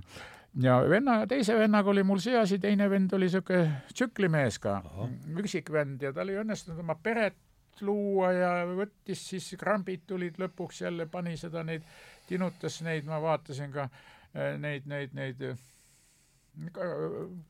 rasket õlut kaheksa ja, ja võib-olla tollel jõi neid balloone ja tinutas nõnda, et viina jõi väga vähe, jah, hakatuseks, üks päev. ja siis hakkas pea parandama noor võimsam mees jõi kaks nädalat, siis tulid krambid ja mul on kiri kaelas, kus ta pühalikult vandus. koos olime isegi ka kained ühe suve jaanitulel, vaatasime teisi üleolevalt, et nad joovad asjad aga, aga tal oli see häda jah, et sõi ilmselt valesti midagi ja tegi otsi nagu töökohtas ei pidanud enam, alustas nagu isegi insenerina, ta oli Tempti lõpetanud, siis oli brigadier, siis oli lihttööline, oskustööline, kivitööd tegi hästi ja aga, aga, aga siis tal tuli see asi, et äh, siia kaela sisse tuli arterisse tromb. ja, ja? Ka, kaela sisse. aga kuhu ta olis? ta oli viiskümmend üks soo, täiesti eriti ikka pikk. ta oli viiskümmend üks, kaheteistkümnendal aastal see, see, sel, sel sajandil tekkis tromb ja äh, läks naabri äh, naise juurde ja ja pühapäevane päev ja, ja viidi haiglasse, kogeles, ühesõnaga oli juba pea oli kergelt ilmselt äh, ei saanud verd ja, ja siis viidi haiglasse, aga haiglas ei olnud arsti muidugi ja, ja ise ei julgetud seda lahust süstida, mis oleks kohe veeni süstitud, oleks trombi ära lahustanud. aga ilma arstita ööd ei julge ju midagi ette võtta, eks ju. ja siis mulle esmaspäeval helistati, koosolek oli just läbi Sirpis, ma olin veel siis viimast aastakest või enne Kendri jama. ja, ja et on juba koomas nii-öelda, eks ju, et äh, silmad kõik töötavad, saab midagi aru, püüab, et äh, kolmapäeval siis saab kompuutrisse, noh kolmapäeval oli sügavas pindmine äh,, mitte pindmine kooma, vaid sügav kooma juba ja neljapäeval peale sauna või millal see ja kolmapäeval oli tolle saunas, helistas, öö läbi lugesin ajalehti, jõin õlut ja midagi alateadlikult nagu juba äh, ja helistati siis, et öösel oli, oli no see tromb oli nõnda, et üks peaaju oli, pool oli täielikult blokeeritud verevarustuses, see nimetatakse siis, ma ei teagi meditsiiniliselt, mis see mis, mis see jah, aju poole halvatus. ja, ja aju, aju, aju see al-, al-, halvatus, see kuradi mitte, mitte insult, vaid aortne, kurat teab. no vot niisugune jama, jah. ja Aha, siis, siis aha. oli niisugune asi, et me läksime matma kohe naisega sõitsime sama päev sinna ja mul oli väga halb kogu aeg olla, et ma ei taha sinna minna, ma ei taha sinna, aga vend nagu hõljus ka kusagil seal staadioni kohal ja ma tunnetasin, et vend nagu on kusagil seal Kuressaare juures ja ma seal ajasin neid asju kõik joonde terve päev haiglas, ma ei tahtnudki vaadata, kas vend on surnud või ei ole, pakuti sellist võimalust, ma käisin seal morgis, mis oli haigla, Kuressaare haigla juures, ei tahtnudki vaadata, ma uskusin, et ta on läinud, nalja ei tehta, eks ju. pärast muidugi Tallinnasse toodi, siis äh, läks ka krematooriumisse äh,. aga ma tundsin, et vend nagu kutsub mind sinna ja ma ei taha sinna minna äh,. mingi, mingi niisugune imelik tunne oli äh,. see vaevas mind, aga no kui ma kõik toimingud ära tegin, sõitsime Kuressaarest välja, paremalt kätt oli surnuaed, Kudjapil, siis ma tegin alles ühe õlle lahti, mõtlesin, et soh, asjad on aetud, nüüd võib natuke, siis ma natuke rahunesin. ja kogu lugu oli selline venna, ühte venda jah, ma olen matnud, ema ja isa ka. no isaga matsime tegelikult ema, emaga oli mul teised lood. no minul on ka, et äh, veider on see, et kui, kui ta siis oli selge, et ta on surnud, siis, siis see laip oli niivõrd võõras, et ma ei, ma ei tajunud üldse mitte mingisugust sidet tema kui sellisega, et ma mm. ootasin, et kiiresti ära viidaks. et see oli nagu, see on see nagu loomariigist selline tõukumine sellisest äh, surmaenergiast kui sellest, ma seda nagu väga tugevalt kogesin nagu. ja ma tajusin, ma läksin nagu teise tuppa ja no ma tegelesin tol ajal nagu budistliku sellise mõtluse ja meditatsiooniga, üritasin nagu palvetada, aga siis ma tundsin mingi raske, raske asi tuleb mulle peale, et ei lase isegi tagasi kutsuda teda või noh, nii, palvega mm. ja väga raske oli nagu jah, leppida selle selle tundega, et teda enam ei ole, et see oli niivõrd, niivõrd talumatu ja ma tundsin nagu mingi osa minust nagu läks ka sinna kaasa. Mm.. ja tänu sellele osale, mis seal nagu temaga kaasa ka läks, ma tundsin just selliseid veidraid tundeid ja, ja mingeid imelikke nägemusi ja äh, et sa räägid see, et see on, tekitas võime mingi teistesse reaalsustesse. jah, et noh, selle kaudu ma tajusin, et noh, et see on niivõrd oluline, surmatunnetus on niivõrd oluline kultuuri osa, et mm läbi selle me oleme nagu sunnitud sellisest väga argipäevasest toimingutest nagu välja tulema mm. ja, ja pingutama mingit teist, teist laadi tasandite poole, on ju mis nad nüüd on, on ju, kuna inimesed on ikka igal pool ühesugused, siis need arhetüübid on suht sarnased, noh, erineva võib-olla sellise variatsiooniga. jah, see mul meenub ka see su venna Tõnu surm, kahekümne seitsme aastaselt ta läks nagu paljud teisedki, eriti popula-, ja ma tundsin täiesti siiralt täiesti siiralt mind haaras selline tunne kade. sa, sa ise, isegi ütlesid, et ma olen tead Tõnu peale kade. et ta sinna läks, ma olin kade, et ta on seal, kus mind, mind ei ole seal. ma olin mhm. kade mm. -hmm. jah, seda ma sulle rääkisin juba. teistele ma võib-olla ei rääkinud. kadedus siis mille pärast? sellepärast, et ta on seal, kus ma ei ole et ta on mhm. sellises kohas, kus... mis tekitas mul kadedust, et ma ei ole seal. et see oli tema eelis, et äh, seal olla ja ma olin selle peale kade. ja mul tuleb meelde siis see Sokratese apoloogia, kus ta ütleb, et, et teie jääte, et nüüd on aeg lahkuda mm, -hmm. et teie, teie, teil jääte elada, mina jääd surra, aga et seda teab ainult, seda teab ainult Jumal, kas kummal, kummal on parem, et see tuleb tuleb mulle meelde. ma just lugesin Seda mingi pool kuud, pool aastat tagasi Sokratese apoloogia lõpeb niimoodi, jah. mis, jah, mis asja? et just lugesin seda uuesti. Sokratese apoloogiat? jaa, mingi pool aastat tagasi veidral moel. aga eh, ja teine muidugi, mis tuleb siinkohal meelde, on eh, Nietzsche et suremine on raske ja seetõttu on eh, surnutel see eelis, et aga üks, nagu üks, üks hea tuttav on öelnud, et kui mu ema, isa, vanaisa, vanaema on suremisega hakkama saanud, küll ka mina ja, saan. jah, seda, jah, seda ma olen ka kuulnud, jah. seda, jah, seda muidugi, kõiki kõik on suremisega hakkama saanud, et küll saan mina ka, jah. vaata, siin on jälle hirmu küsimus on, et noh, et inimesed tahavad elada, see on loomulik. elu tahab elamist, kõik olendid tahavad elamist, kõik olendid tunnevad valu, ka haugid, mida me püüame, tunnevad valu, eks ju, see paulud andmeks, kui haugi maha lööd või uimastad, eks ju ja, ja kõik olendid tunnevad valu ja tahavad elada. inimene tahab elada ja selleks on meditsiin, suur süsteem, surmahirm, eks ju, on see. aga mina ütlen ühe sententsi. surmahirm, pole olemas mingit surma peale surmahirmu ja kes kardab surma, on ära teeninud selle hirmu. mina surma ei karda teoreetiliselt, eks ju, kui oled äh, juba surmaküüsis ja äh, äh, vilets, haige, kannatav, maas, noh, nüüd on suremine tehtud ju väga lihtsaks, igasugused valusüstid, mida nõukogude ajal ei olnud, ütleme need vähiasjad ja see partei kartis ju vähki. Äh, äh, metsikult, surmast ei räägitud. arstidel oli keelatud diagnoos ütelda, et vähki muidugi teati, teati ei, to, ei tohtinud öelda, arstidel oli nõukogude ajal ei tohtinud, reeglina arstid ei, ei rääkinud patsientidele, see on juba täitsa suremas ja isegi siis ei räägitud.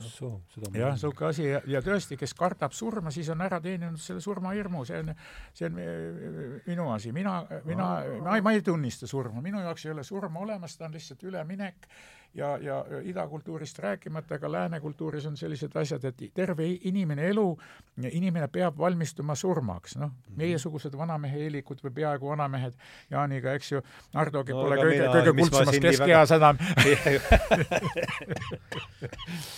jah et, et tõesti peab valmistuma surmaks, eks ju, ja mina vaikselt kogu aeg valmistun, ma loen väga aeglaselt teatavaid raamatuid mm.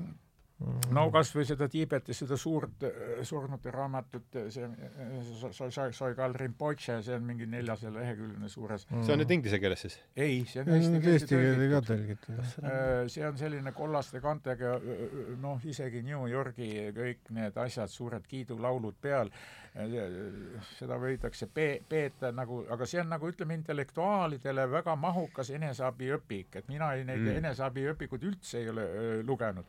aga seda sinna liigitatakse, seda väga kiidetakse ja ja, ja need, seda on ikka miljonid inimesed maa peal lugenud, et surmaga peab tegelema selles mõttes, et selle äraminekuga või olemise üleminekuks, ma nimetan seda niinimetatud surma, mida kõik kardavad. see on olemise, ääretu olemise ähm, üleminek, sa lähed lihtsalt teise äh, vaimsesse plaani mm. -hmm. ja, ja, ja mina näiteks toetan praegu siia lauale see on nagu materialism, eks ju. kas sina, Ardo, ükskord ütlesid, et, et David Bohm vist ütles, et äh, see mateeria on hangunud valgus, üks füüsik. jah, tema ütles küll. see oli Oppenheimeri õpilane vist. jah, Oppenheimeri õpilane. ma vaatasin hiljuti Oppenheimerit, sealt äh, naine tellis selle filmi.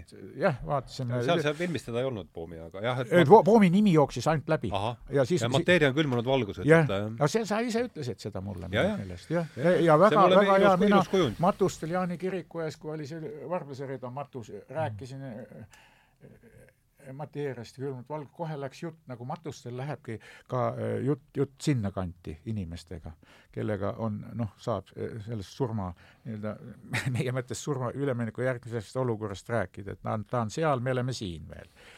Et äh, sidet ei ole vaja kunstlikult looma hakata, pöörduda, muidugi võib kõike ette kujutada ja ja, ja kas või mõelda ka Tõnu ümbersünnile juba ja noh, Jaan ju rääkis või, või mitte, mitte Toomiku Jaan, vaid Paul rääkis ju ühe, ühe, no ma, ma vaatan ka, et on tõesti, on tõnu, väga tõnulik ju jah, on mingi sarnast. sa ei taha sellest avalikult praegu rääkida vist?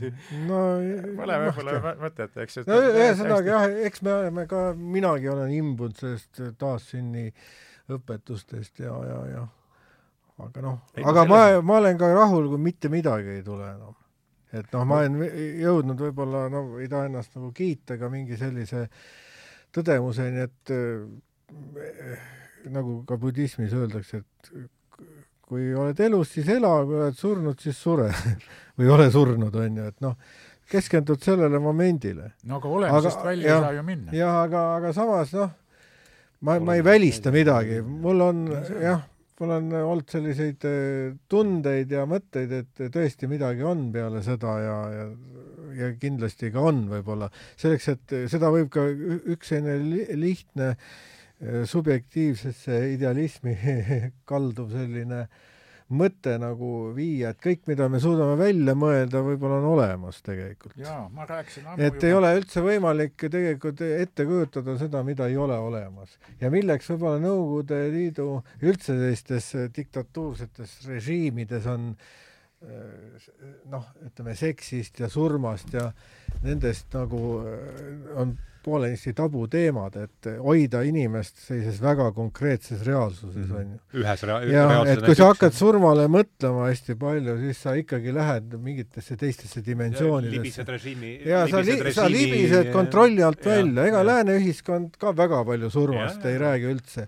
no põllumajandus on see keskne teema ju. ja, ja, ja, ja eks see viitab ka sellele, et ka siin on selline teatav kontrollimehhanism teatav olemas aga kas see, kas mitte seesama koroona, üks võimendus kogu seda koroonatralli nüüd tagantjärgi vaadata, on see, kus see surmateema tuli mm -hmm. ikkagi väga jõuliselt sellisesse kollektiivsesse ah, psüüh-, kollektiivsesse see oli läbi, läbi, läbi hirmutamise ideoloogia põhiliselt ikkagi. see, noh, koroonast ka veidi äh, enne seda mulle meenus see Gorbatšovi ajal oli ju telesild Ameerika ja äh, Moskva vahel ja siis oli seksiteema ka ja siis kohe üks Nõukogude naine seal, kes oli ka stuudiost järgi, ütles, et meil Nõukogude Liidus seksi ei eksisteeri või midagi. ei, Nõukogude Liidus seksi ei olegi nii.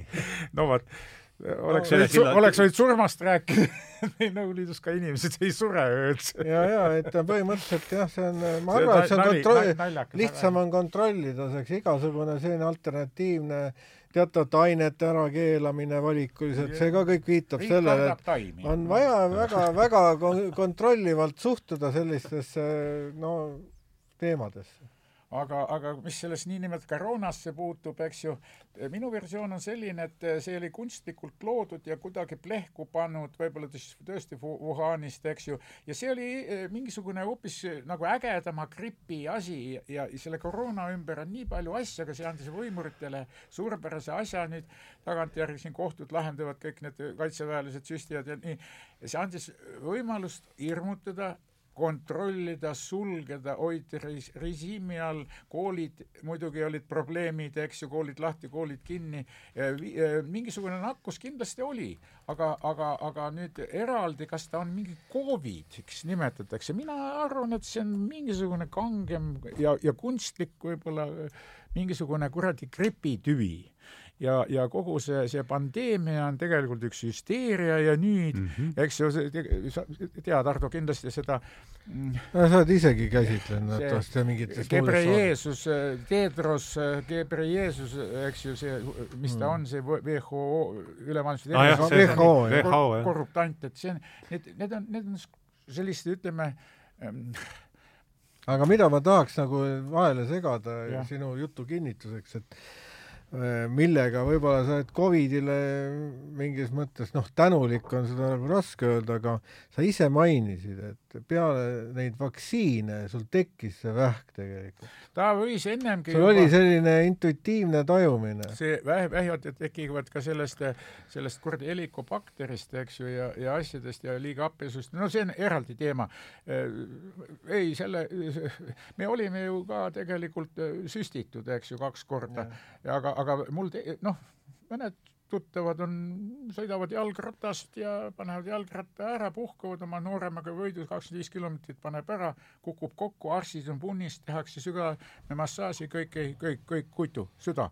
mina mäletan seda, ma tegin puid äh, esimesel, kahekümne esimesel aastal, kui olin süstitud juba esimest korda mm, -hmm. suured pärnad, noh, maha langenud pärn, saagisin ära suured pakud raske kirvega, taon, tead, viis korda paned, kurat, süda tahab suust välja hüpata.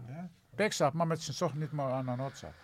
ma ei julgenud seal raiuda eriti, kurat, ja, ja aga ellu, ellu jäin ja siis kurat tehti mm,, tehti vist teine süst veel, kurat ja siis oligi, tead, neljandast seda... me vähiga mängu, mängis kuradi mängufilmis eksperimentaalses, kurat, alasti jookseb mööda võsa, eks igasugust pulli. Jaan tegi ühe kaheminutilise filmi ju.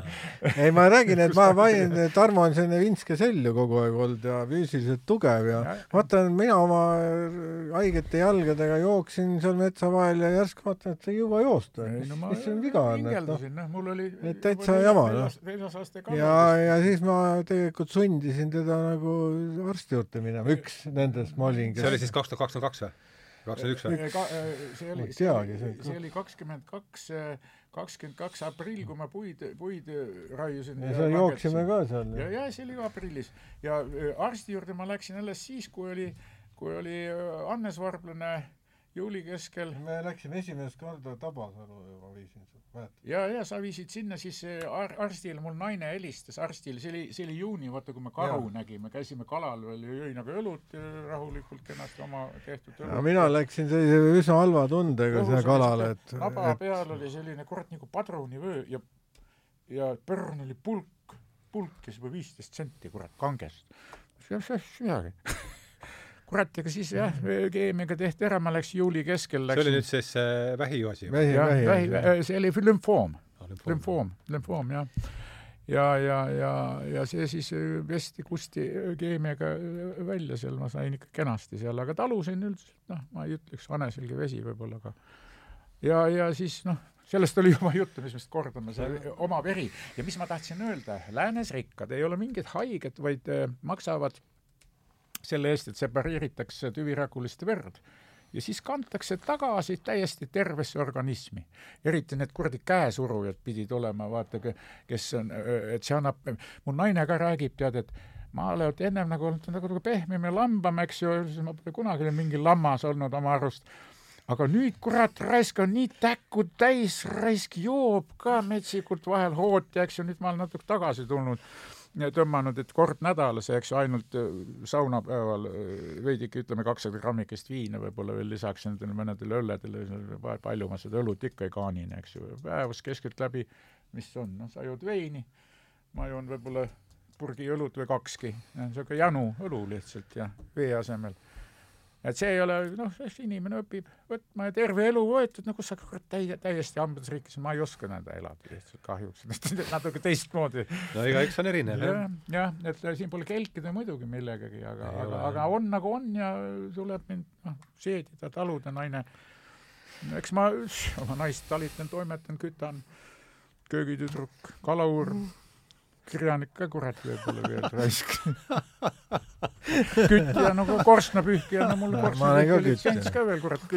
Küla, küla, oma küla hädalised kõik pühin ära, kui kutsutakse välja, aga ma ei taha ise kusagile minna aga noh, jah, nõnda see eluke veereb ja, ja need aastad, mis antakse, tuleb õppida ikka surema kenasti, ikka teoreetiline ettevalmistus tuleb ikka tugev. aga räägiks siis sellest teoreetilisest ettevalmistusest, et mina ei ole ise seda surnud, ma isegi, see räägib ka minu äh, horisondi piiratusest. no ära ennast kogu aeg alanda. kõiki raamatuid ei jõua lugeda. ei, aga see surnute raamat, ma isegi ei teadnud, et see eesti keeles on, et räägi, räägiks sellest natukene, et selle, sa loed seda aeglaselt. sa mõtled elu pärast elu või? ei, ma mõtlen, seda, seda ma ka ei teadnud seda Tiibeti surnute raamat. Tiibeti surnute raamat, vaat S-Ü Kal Rinpoche. see on kollaste kaantega. on, on see olemas, mingi kolmkümmend eurot, telli omal see, aga seda aga räägi, kuidas seda siis, mis tuum? Seal on väga palju kokku sa, sina, sa oled ka lugenud seda, eks? no ma täitsa... sellest rääkisin ju ka see eelmises no, saates. mina loen just. seda, ei ole aegamisi, teised räägime, siin on veel mingi pool tunnikest siin jäänud, et see on mm -hmm. täitsa, et mis, mis laadi teosega on tegu? no seal, ma ütleks, ta on väga universaalne, ta võtab kokku sul need kas või kroh-, kross, krohvi vist, kuidas seda hääldatakse. ma tahtsin krohvist, krohvini ka veel jõuda, jah. kosmiline mäng, eks ju, ka lugesin väga aeglaselt, mul isegi naabrimees loeb. ütleme kõik, kõik need teemad on seal tegelikult sees kajastatud, aga ta on kuidagi, ütleme, mahe seal ei ole sellist teravat lõikuvust ja seda pole vajagi, aga, aga ma närin seda jõle aeglaselt ja ma teinekord ei loegi kiiresti, vaatan, ei olegi mõtet lugeda teda, loen võib-olla viie lehekülje, kümne lehekülje kaupa nõnda ja seal see, see iganeb paks üle neljasaja lehe ka ja et seda tasub aegamisi lugeda, aga sinna kõrvale tulevad ju kas või see Elu pärast elu tuli ja siis on igast soppa ka tegelikult välja antud ja tõlgitud selles surmaasjus nii-öelda need, kes on ära käinud ja tagasi tulnud, on mingi Jaapani jama on, ütleme, seal on ütleme, ta tegelikult on mõeldud surevale inimesele, mitte juba nagu surnule mm. -hmm no ma ei tea, ma ei meil kõik me, oleme suremad, surevad me ei ole nagu, ma ei ole võib-olla kõige pädevam sellest rääkima, mõni, mõni selline budist räägiks sellest no, märksa paremini. ei no aga su enda kogemus, et mis sa, mis sa leiad aga, aga noh, see on Või ka mis... niimoodi, et inimest nagu valmistatakse ette äh, suremiseks, mida noh, lääne, lääne kultuuris sellisel ehk siis sellest hirmust ka ülesaamiseks? jaa, et just sellest hirmust ülesaamiseks, et äh, ta tegelikult kohtub seal vaheolekutes erinevate teemonitega, seal erinevad, need on nagu värv, värvide kaudu nagu jaotatud ära, et seal ma päris täpselt ei mäleta seda värvisümboolikat, roheline vist on mingi maavärv või ja nii edasi, on ju, kõik need elemendid läbitakse. Et ükskord ta siis nagu läbib ühe siis sellise esimese astmena ja, ja, ja, ja siis see, kes loeb, tavaliselt pühendunud, pühitsetud munk, loeb talle siis vastavalt, see on ka omad sellised reeglid, kuidas seda mm -hmm. surnule või surevale inimesele ette loetakse ja, ja, ja püüad teda, teda nagu julgustada, et see kõik, mida sa näed, kõik need kolpas jõgivad teemonid, see on tegelikult sinu enda peegeldus, sinu enda teadvuse peegeldus. Mhm. et sa pead seda nagu põhimõtteliselt nagu armastuse või või suhestumisega nagu läbima mm -hmm. ja kui sa seda teed, siis sa saa-, saad, satud nagu kõrgemale astmele. aga neid, neid kohtumisi seal on üsna palju mm. -hmm läbi e-, erinevate selliste staadiumite see toimub ja, ja siis lõpuks, kui ta, kui ta see tegelikult, kui ta selle ühe staadiumi läbib, siis ta juba saab valgustatuks. aga tihtipeale inimesed nagu põrkuvad sellest tagasi. No see on mingis mõttes äh, nagu võrreldav sellega, kui sul on nagu mingi noh, mingisuguse äh, ütleme, mingisuguse psühhedeelse ainega yeah. mingi tripp, sa näed mingit väga halba sellist äh, kogemust tajud, et siis sa nagu põrkud sellest tagasi, sa ei võta seda kui iseenda sisemise hinge või vaimu peegeldust, vaid mingit välist jõudu, on ju.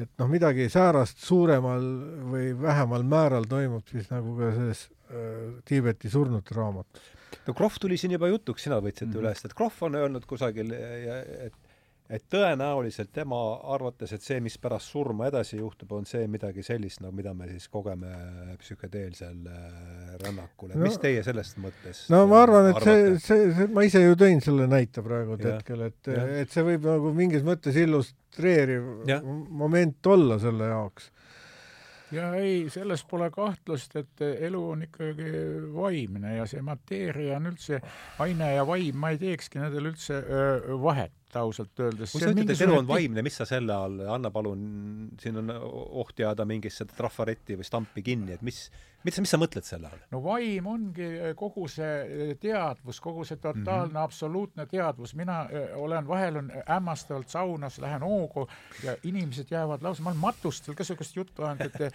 ja jäävad vait kõik ja lõpuks ma ütlen, teid ei ole üldse olemaski, kui ma räägin, et surma ei ole olemas ja räägin ära, aga hiljuti paar nädalat tagasi saunas, mul tuli hoog peale, rahvast oli palju ka siis ja, ja kärakti eriti ei olnudki võib-olla.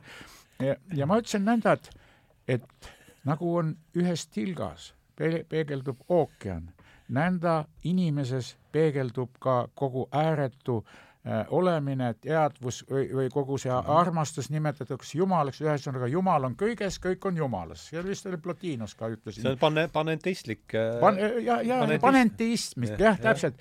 ja, ja, ja no ma olen selles mõttes, olen totaalne pan-, panpsühhist, eks ju mm. -hmm. selles pole mingit kahtlust, et kõik tegelikult ongi see vaim ja mina vaat inimese egoga on, sa pead oma egoga ja Jaan oma ehk mina, et siis see kivi on seesama külmunud, külmunud teadvus mingis mõttes või?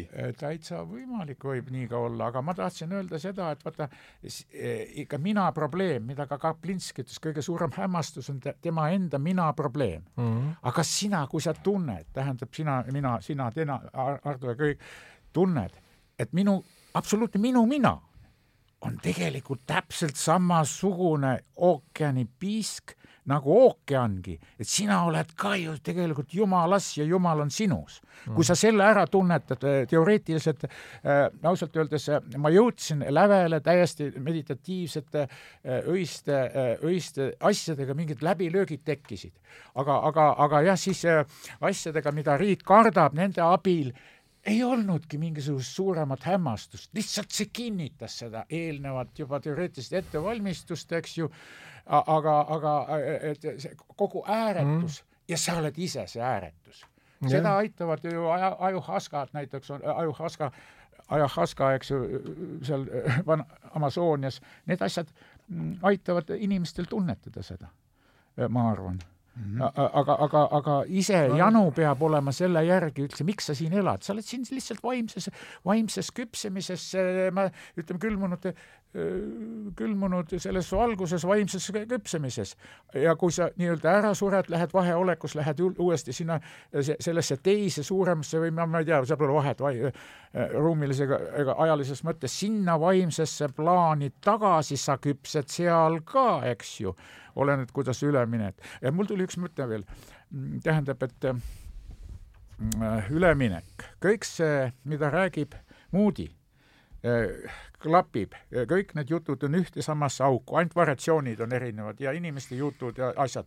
ja mina kuulsin ükskord enesetapjalt sellist lugu, ta jäi ellu, tal pandi jalaga perse seal olekus, ühesõnaga, elu oli nii sitt, ta läks, võttis kas pudelit peeti või teisegi, läks metsa ja tõmbas omal, jõi Äh, jõi need kuradi veini või kakski ära ja tõmbas omal veinid läbi.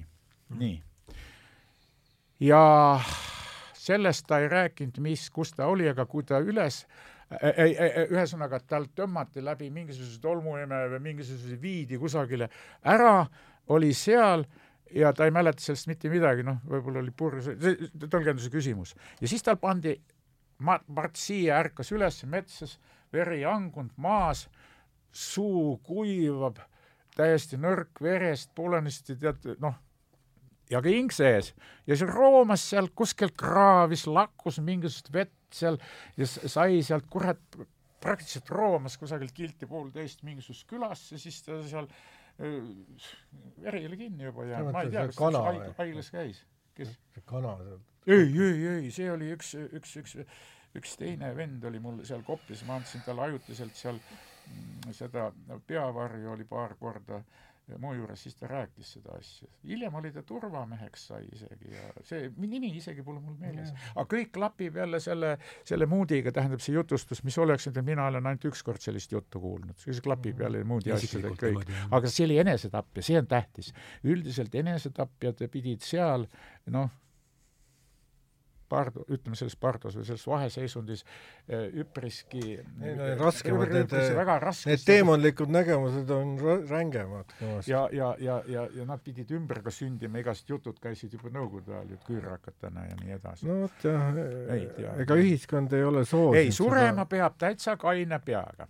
ei mitte mingisugused, kas või see noh, hea küll, on rasked haigused, millest ei parandada, on Šveitsi läks, vaata see oli see Paberit või kes see oli, Jane, tead tegi mm -hmm. omast surmast siin natuke ka noh, kõik asjad nagu meedias kergelt, et tuleb ära kannatada see asi, sure kaine peaga, sa pead olema ette valmistatud mm. ja kui sa sinna lähed, sa seda meelekindlus, vaimu selgus, et siis sa saad sinna teises vaimses plaanis edasi minna äh,, areneda juba seal, vot see, me ei tea, mis on seal, me oleme siin. No mina ja tahaks... meil pole vajagi teada, ei saagi teada.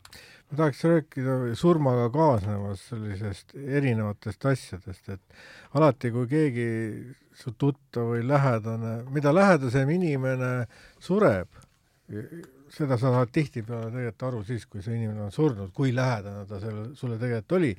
on alati see minu jaoks olnud mingi teatav see, see sure, surija poolt nagu ohverdus, et ta mingisuguse jõu või energia annab sulle edasi mm. nagu teatepulga no ma tajusin seda kõige rohkem oma vennaga, teist korda ma tajusin seda Jaan Paavle surmaga, et sa, ei saa enam päris endist viisi mingi aeg nagu toimida mm, -hmm. kui see lähedane inimene on surnud ja, ja mõne inimese surm, keda sa pidasid täitsa nagu heaks tuttavaks või sõbraks, ei mõju nagu üldse kuidagimoodi. Et, et noh, et siin on ka sellised asjad, et Äh, ma arvan, millest on igasugused ohvririitused ja, ja tõrjemaagiad nagu välja kasvanud, et äh, et kuidas me seda surma nagu mõtestame enda jaoks, et see on nagu väga suur võimalus äh, enese vaimseks arenguks mm. -hmm. mina olen vähemalt seda niimoodi tajunud. jah. aga jah, ega see asi on ilmselt juba äh, kui me siin elame ja valmistume nii-öelda oma surmaks suremiseks, siis, siis tuleb kuidagi, aga seda ei saa ju, eh, seda peab targasti suunavalt aidata ka inimestel nende peale öelda ja just nimelt sellest hirmust lahti saada. see hirm ongi ja. see kogu edu, kogu lääne heaoluühiskond on ju mm. rajatud mõnudele, igasugustele reisimistest rääkimata mm.. Te teate suurepäraselt, eks ju, mida inimene tahab. inimene tahab elada, kõik. ja hästi elada mm. -hmm ja aga seda siis talle lubatakse jah, televiisoris? jah, rahakott kannatab ja siis reisi kuhu tahas, eks ju, käi laps hambus, telefon ühes käes, lapsevanem teises käes, lennujaamas, kodined, nalja nüüd ausalt öeldes enamik inimesi ajab mind naerma ja kogu see, no see on hoopis teine te-, te-, ka teadlased ajavad mind, kaheksakümmend protsenti kogu teaduste akadeemiast ajab mind naerma, ütleme laias laastus, eks ju. kogu see materialistliku äh, kinnisuse äh,, materialistliku paradigmas olemine, see on ju ajab naerma ja paneb ka kaasma tund-, kaasa tundma, sa ei saa isegi neid vihata, eks ju, need lo-, ma ei ütle lollpäid, aga nad on kinnistunud sellesse materialistlikusse paradigmasse, kogu teadus ju selles, e-, enamjagu see teaduspõhisus ja muidugi on teadusest abi, kõik on, tehakse ära olemise jaoks inimese mugavaks ja kergemaks eluks. aga seoses selle surmaenergiaga, mida, mis vallandub, ütleme, mida sa siis nagu tunnetad, on ju, et eh, kuidas seletada selle, selles plaanis näiteks sõdu ja tapmisi ja et noh, et kuidas need, ma olen alati mõelnud, kuidas mõni see Ukraina sõdur on kaks aastat järjest olnud seal no,. et ta peab ikkagi tajuma mingit jõudu, mis, eh, mingit tohutu võimas kontakt millegiga, mis mhm. teda seal niimoodi säilitab muidu ta noh, väsiks sellest ära ju. et selles, selles on mingisugune väga, see on nagu mingisugune jah, mingi reaktsioon, mis eritab nähtavasti, see su-, surm eritab mingit sellist nähtamatut energiat, mul on selline tunne. minu meelest see sõda ja kogu see asi e, e, inimese seda tapakirg, see ei kao mitte kusagile, selles mõttes sõda on ilmekas moderniseeritud variant, see on täiesti mõttetu kurat tapakirg, millest see tuleneb, väga lihtne minu jaoks on see, et on ju aasta, sadu aastamiljoneid ja ütleme, mille, on kogu eksistents on olnud ju evolutsiooni käigus üksteisest ära jooksmine, tagaajamine, ära söömine, alla neelamine ja see lihtsalt, lihtsalt tapaviisise sõda on lihtsalt selline kuradi kultuurne variant üleüldisest üksteise ögimisest, eest ära jooksmisest. inimestes Organise organiseeritud. geneetiliselt on ju see kodeeritud ja sellest ei ole pääsu. lihtsalt selles on ja selles on mingi suur energia, mis vallandub ja tihtipeale toimub tugev teaduse ja mingisugune majandusareng peale sõda, suurt sõda nagu noh mm esimene või teine maailmasõda, on ju. et seal on mingi selline irratsionaalne jõud, mis eh, noh ja, ja see on üks teema, kuhu veel siin on see peaks eraldi teema. see on omaette paar, paarkümmend minutit veel, aga, aga mul tuleb meelde, eh, mina muidugi pole sõjas olnud ja pole seal lähedalgi olnud, aga küll tuleb mulle meelde ja just eriti viimastel päevadel, nädalatel on tulnud meelde, siis mängisime paintballi kunagi.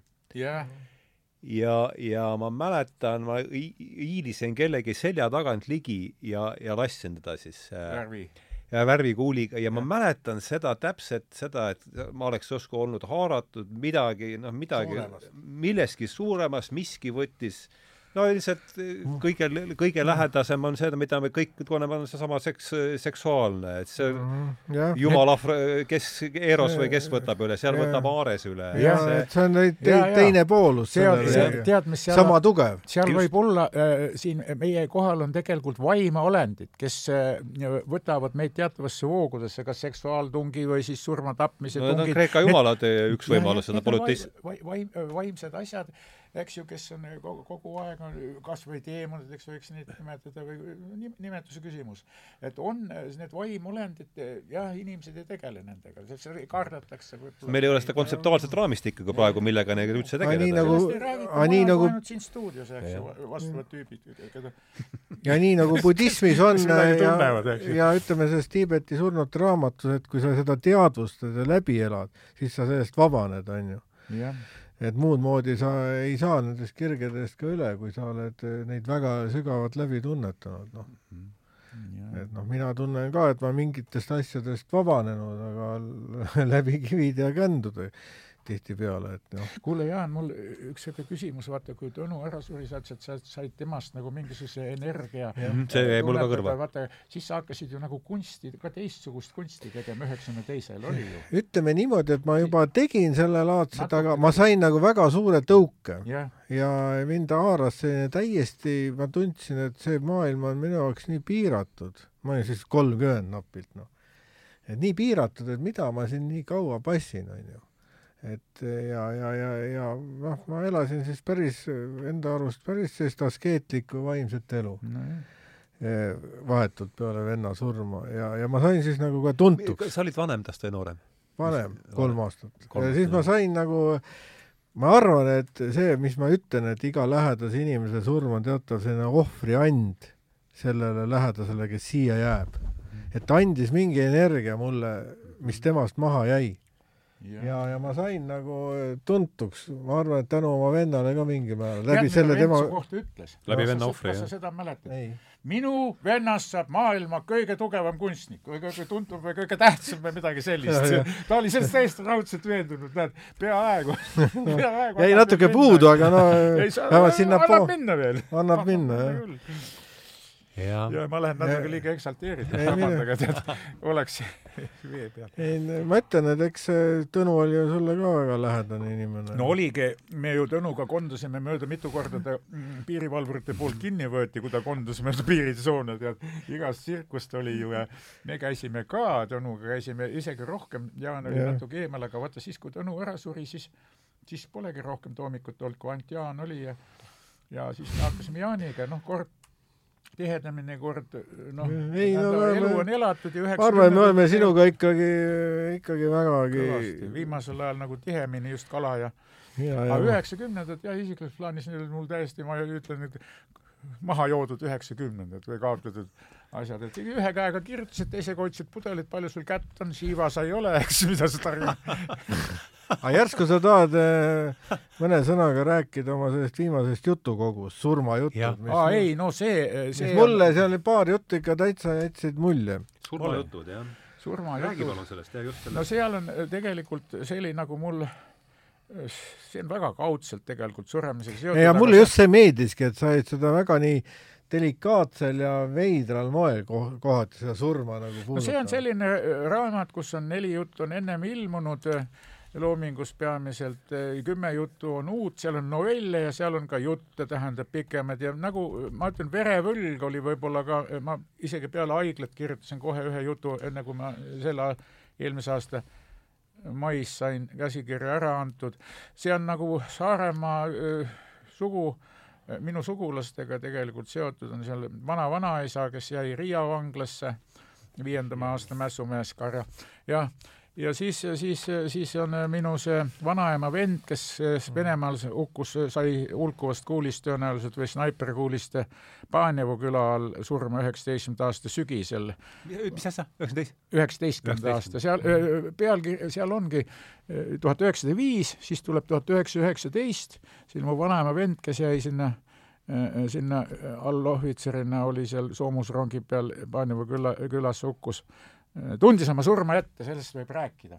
sellest ma kirjutasin ka, ühesõnaga ütles niiviisi oma lahingukaaslastele sealt, nad olid soomusrongi kõrval ja pidi just hommikune pealetung olema ja see pealetung tegelikult oli, aga nad jooksis liiva ja venelaste kaitse oli tugevaim ja pärast noh, pole mõtet, sai ajalugu. ühesõnaga, tema rääkis niiviisi, Priidu eh,, eh Magus Priidu Mm, seal on ta Priidu kibe, noh, ega ma väga dokument- ja ma uurisin neid asju nii palju kui sugulaste käest ja kõik oli selline lugu, et ta ütles oma lahingus, et ärge mind siia äh, siis võõrsse maa mulda matke, et viige mind ikka kodu, kodu, kodumulda, niimoodi.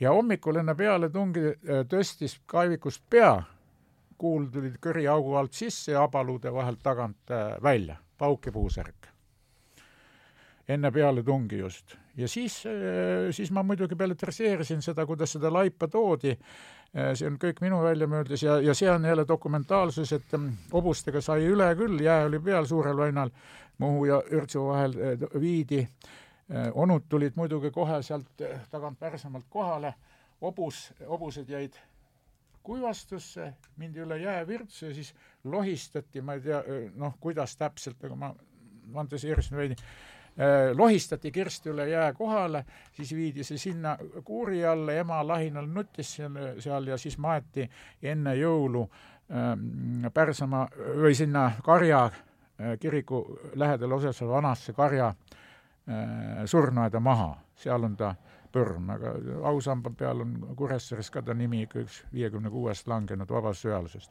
ja siis noh jah, ma läksin hoogu, see on ikka surmaga seotud, neljakümne esimesel aastal lasti mu vanaisa maha. siis tuhat üheksasada viis, tuhat üheksasada üheksateist ja nelikümmend viis, jah?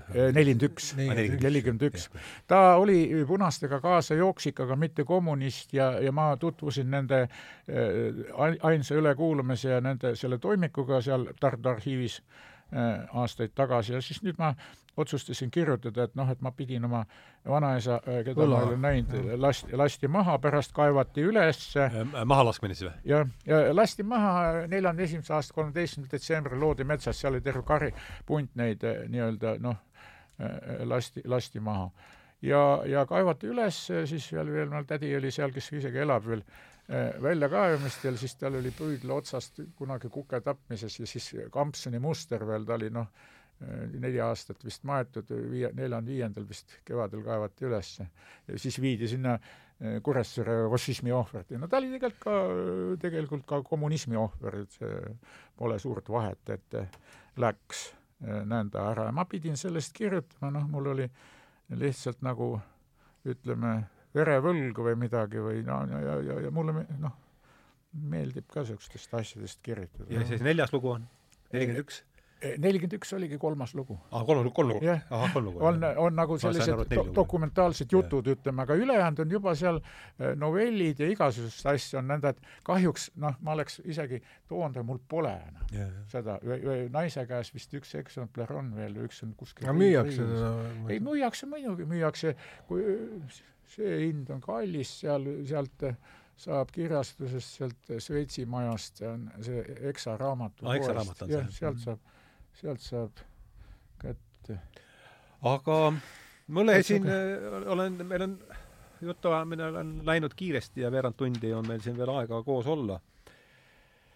et äh üks lause, mis mulle, riik kardab taimi see tuli sinult, sina no ja riik kardab muidugi taimi. mis äh,, anna sellele ma ei tea, Bundestag millise, milliseid ja miks ja mis see sinu Bundestag hääletab nüüd, kurat, ma ei usu, et nad kanepi legaliseerivad Saksamaal, seal on arstid väga vastu ja lastele muidugi ei tohiks kanepit, kanep on tegelikult ka ikkagi taim ju et ta on ikka mõnuaine ja narkootikum kahtlematult, noh, võib-olla vanadele inimestele see sobiks rohkem ja eriti minusugustele kärsitutele kuradi kärts, kärtsmeestele, et milleks seda kuradi oma magu ja, ja neerusi ja, ja, ja ku, kurnata selle alkoholiga, et kui kimu siis kanepit juba, et mina teeks et üle neljakümnestele või, või üle viiekümnestele võiks Eestis täitsa vabalt olla teatava võib-olla isegi retsepti äh, retseptiline mõnuaine, kurat, viin on igal pool äh, tatikatele ka kättesaadav, onu, onu käib ära, toob, joovad kõik tüdrukud mm. siidrid, asju, äh, eks igast droogi pannakse, aga muidugi on veel ju tegelikult on ka LSD on ju taimse päritoluga, ma mäletan no, tungaldera, jah. oma vana, vanatädist oli nõnda, et lehmad sõid selle sisse, läksid täiesti hulluks seda tundsid tungaldera või? tungalderaga on... läksid lehma, lehm läks täitsa pööraseks ja seda rahvas, ütleme nõnda selle sajandi, ütleme sada, saja aasta tagant teadis seda juba Tungaldera, et mis ta on, et ta mõjub selliselt ja ilmselt see oligi see, see loodus, loodus, lood, looduslik LSD, eks ju, oli Tungaldera. ja, ja, ja noh, seda ju vanas Kreekas olid ju need müsteeriumid, vaata sealt Egiptuses igal pool. see, see oli ju, see massiliselt ka tarvitati seda, et neid Delfi or-, oraaklit kas või ja no seda Eleusise müsteeriumid, jah, just, jah, see, see, see oli ikka kultuuri, kultuuri, kultuuriga seoses olid need asjad ja noh, rääkimata loodusrahvastest, eks ju, et, et aga no riik kardab seda, et inimesed Äh, igasugused riigid. no suud süsteemist väljapoole mõtlevad ja, ja, ja see on nagu põhiline. Need ei ole enam kontrolli all, need on isemõtlejad, siuksed mm. oma peaga, see on ohtlik.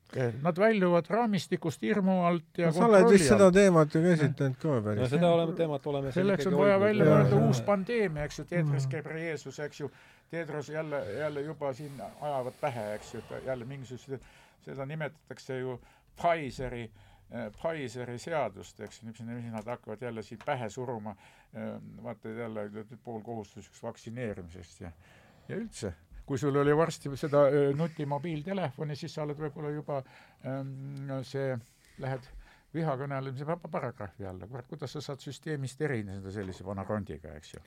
ja, jah ei ole normaalne inimene, kahtlane. tehakse vi-, piisavalt võidakse sind juba kuriteo ettevalmistusest süüdistatakse, miks sul telefon sukk on, sa, sa, sa, järgi ei saa luurata ju.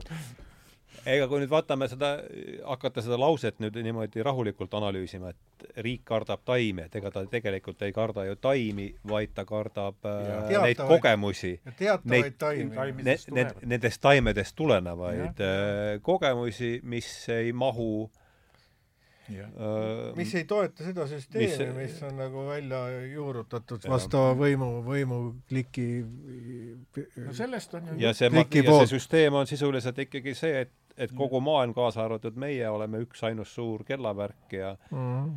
ja kui meil on depressioon, siis tuleb siis on järelikult see, et on bioloogilis-keemilised hammasrattad ei haaku hästi ja tuleb saata antidepressantide näol. jah, või mingi alkoholiga, mis sind passiivseks. teeb. olegi omaette antidepressant no kogu aeg olnud, eks ju, ja no tegelikult on ju alkoholis see, et see, et sa jood oma rakud maha sittega, sa ei joo rakud maha, neerud, kopsud, neerud ja maksad no, jood läbi, eks ju, aga välja arvestatud ju see, et et, et, et oma aju täielikult maha juua, selleks tuleb mingi kolm tuhat kolm tuhat aastat iga päev pudel viina juua. ega me paljude, paljude taimede mõju võib-olla ei tea. arvestus on selline. kuna need äh, repressiivsed reeglid on ju väga ammu juba paika pandud, missuguseid taimi võib äh, teatates kultuurides tarvitada, mida mitte, on ju nojah, meil oli siin, äh, mis oli lehe kahekümne kaheksandas numbris oli intervjuu Äh, Marko Kaasikuga. see, vot see tuli mul ka,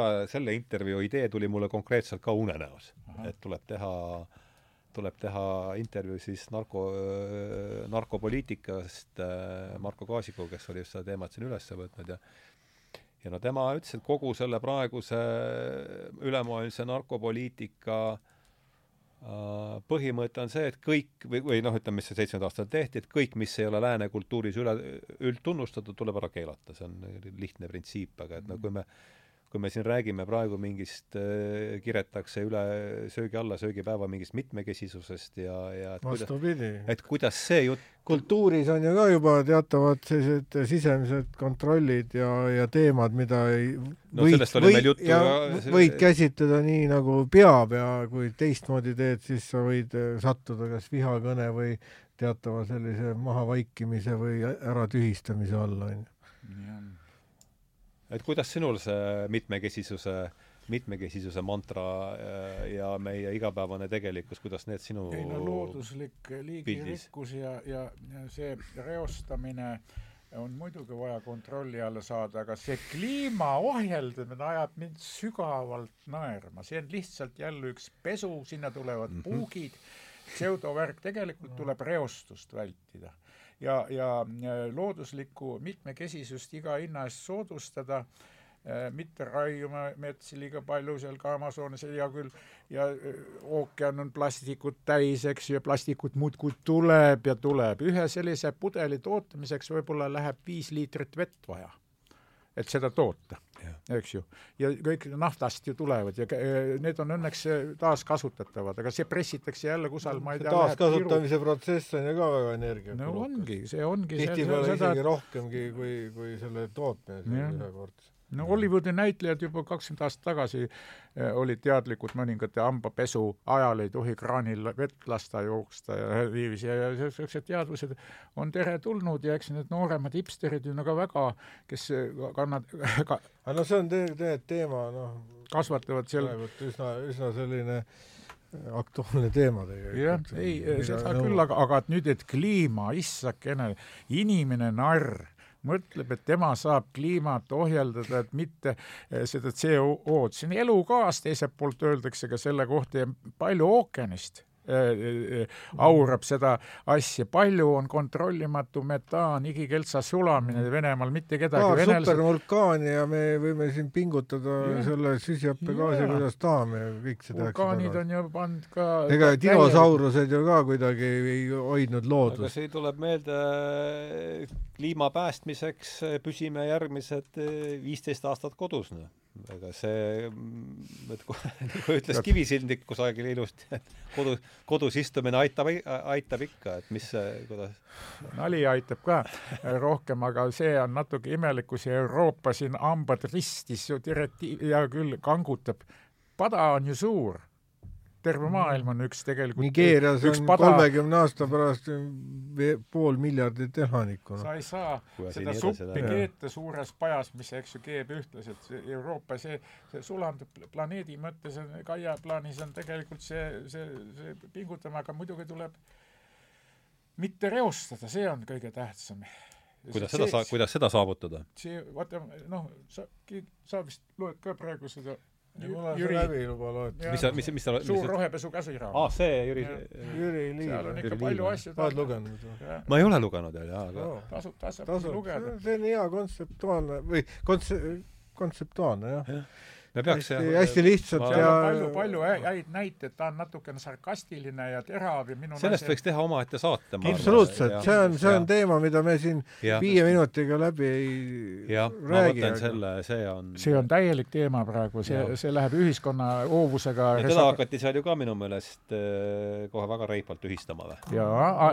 ta löödi ju minema sealt see on suhteliselt vaimukalt kirjutatud ka. ta kirjutas meile lehte.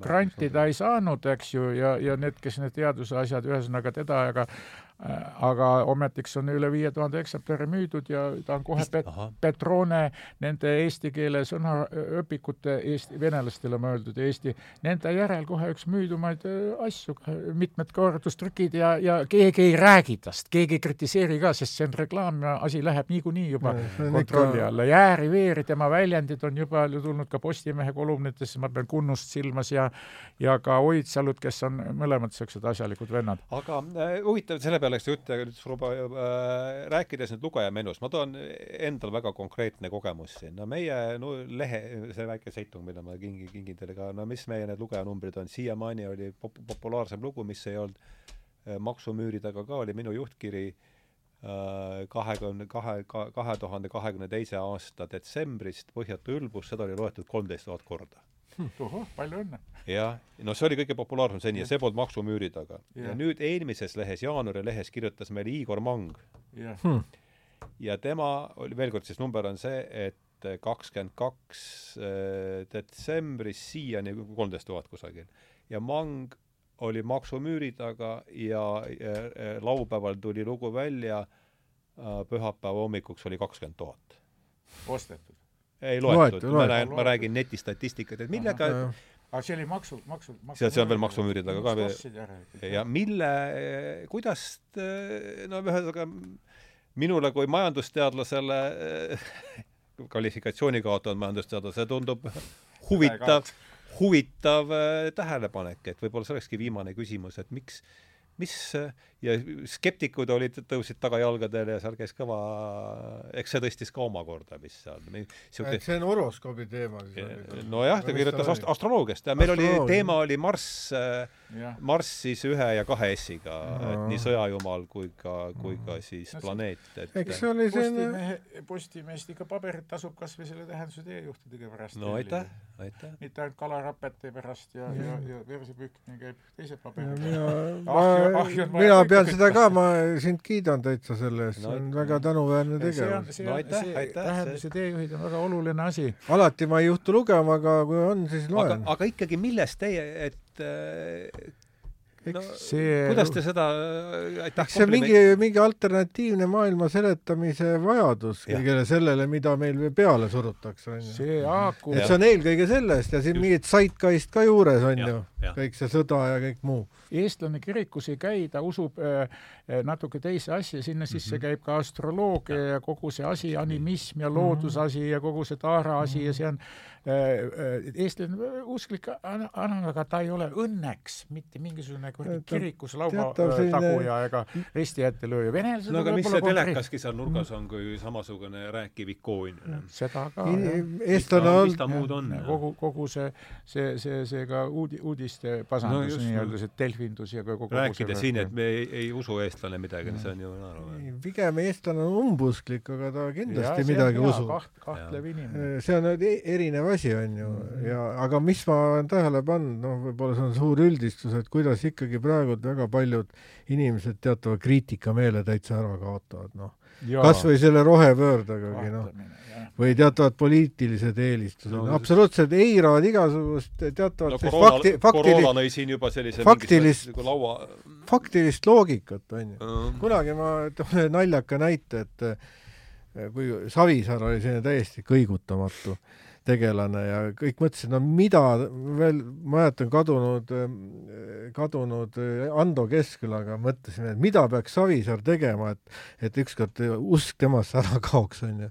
ja siis Ando ütles, et see on vist võib-olla see, et kui ta Aktuaalses Kaameras telekaamerate ees kägistab ühte vene pensionäri et võib-olla siis, siis inimesed hakkavad ja siis tuli kõpsti mingi lindiskandaal kuskilt ja oli kadunud jälle mõneks ajaks ja tagantjärele vaadates ei jõua ikka ära imestada. praegu ka ei jõua ära imestada. praegu on täitsa süüdimatult äh, tegutsetakse, mitte midagi ja, ja müts on peas ja siin ei ole mat-, äh, äh, võitleja hingena mina küll ei hakka siin kellegi vastu võitlema, aga no nii palju, kui jutt ulatub, nii palju peab rääkima, aga nüüd vägisi hakata siin ümber pöörama seda värki, kus niikuinii kogu see laev või ma ei tea, mis parv see ei tea, mis, kes seda üldse juhib tegelikult.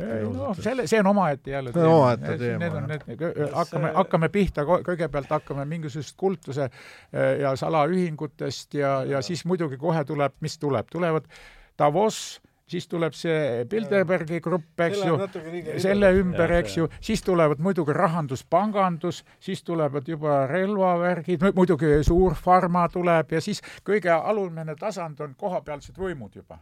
Noh, Kaja Kallased ja kõik need poliitikud, see, see, see, see poli- ja siis on rahvas kõige all.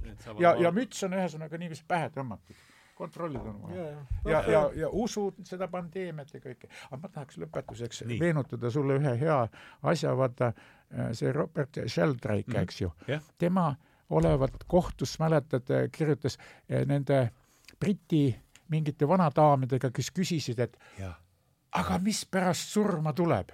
mis seal kirjutas, mäletad? ja seda ma mäletan väga hästi, sest minu huvi üldse nende teemade ja. vastu ehatas üles või mina, mina, ma ei tegeleks nende asjadega, kui seal üks lause oli, ta küsis, küsis proua, et et see kõik, no ta rääkis mingi tund aega, tead, see ongi, loengu nimi on uh, Rediscovering God või Rupert Sheldrake mm. -hmm. ja seda ma hakkasin kuulama seal, kui ma sain teada, kuidas tal seal mädaksi, sa tead seda lugu, eks? kaheksakümmend kaks avaldas oma, kaheksakümmend üks avaldas oma raamatu Uus eluteadus ja mm. Nature peatoimetaja ütles, et see raamat tuleks ära põletada yeah.. Mm. ja siis vaatasin, mis kurat see nüüd on? ja, ja kust see tuleb, noh, kaheksa või neljakümne aasta vanune teadusuudis, noh.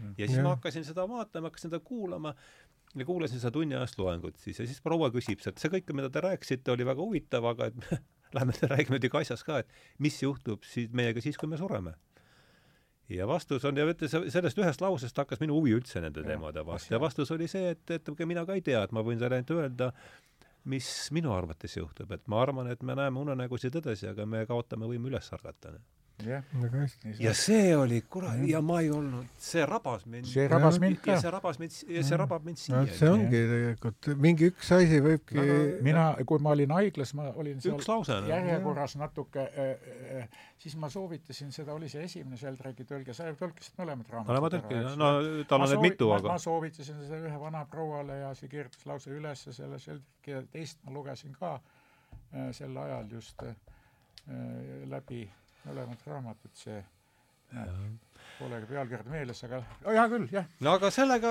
nagu see, kui Sheldrake'ini juba jutt läks, siis on mm -hmm. minu meelest seal on, tal on väga, väga palju selliseid ühelauselisi häid tsitaate, aga mis sobivad, Buda mm -hmm. ei mhm. kirgastanud doktoriõpingute käigus ja mm, -hmm. ja, ja Jeesusel puudus magistrikraad. noh, see on minu arvates väga hea ja võib-olla kõige lõpuks veel tuli mulle meelde, kui hakkasid rääkima siin, et kes seda parve juhib äh,, tuli ju meelde meie kunagine lauakaaslane äh, Andres äh, Vanapa. Vanapa. et las koerad hauguvad, karavan ei tea, kuhu läheb.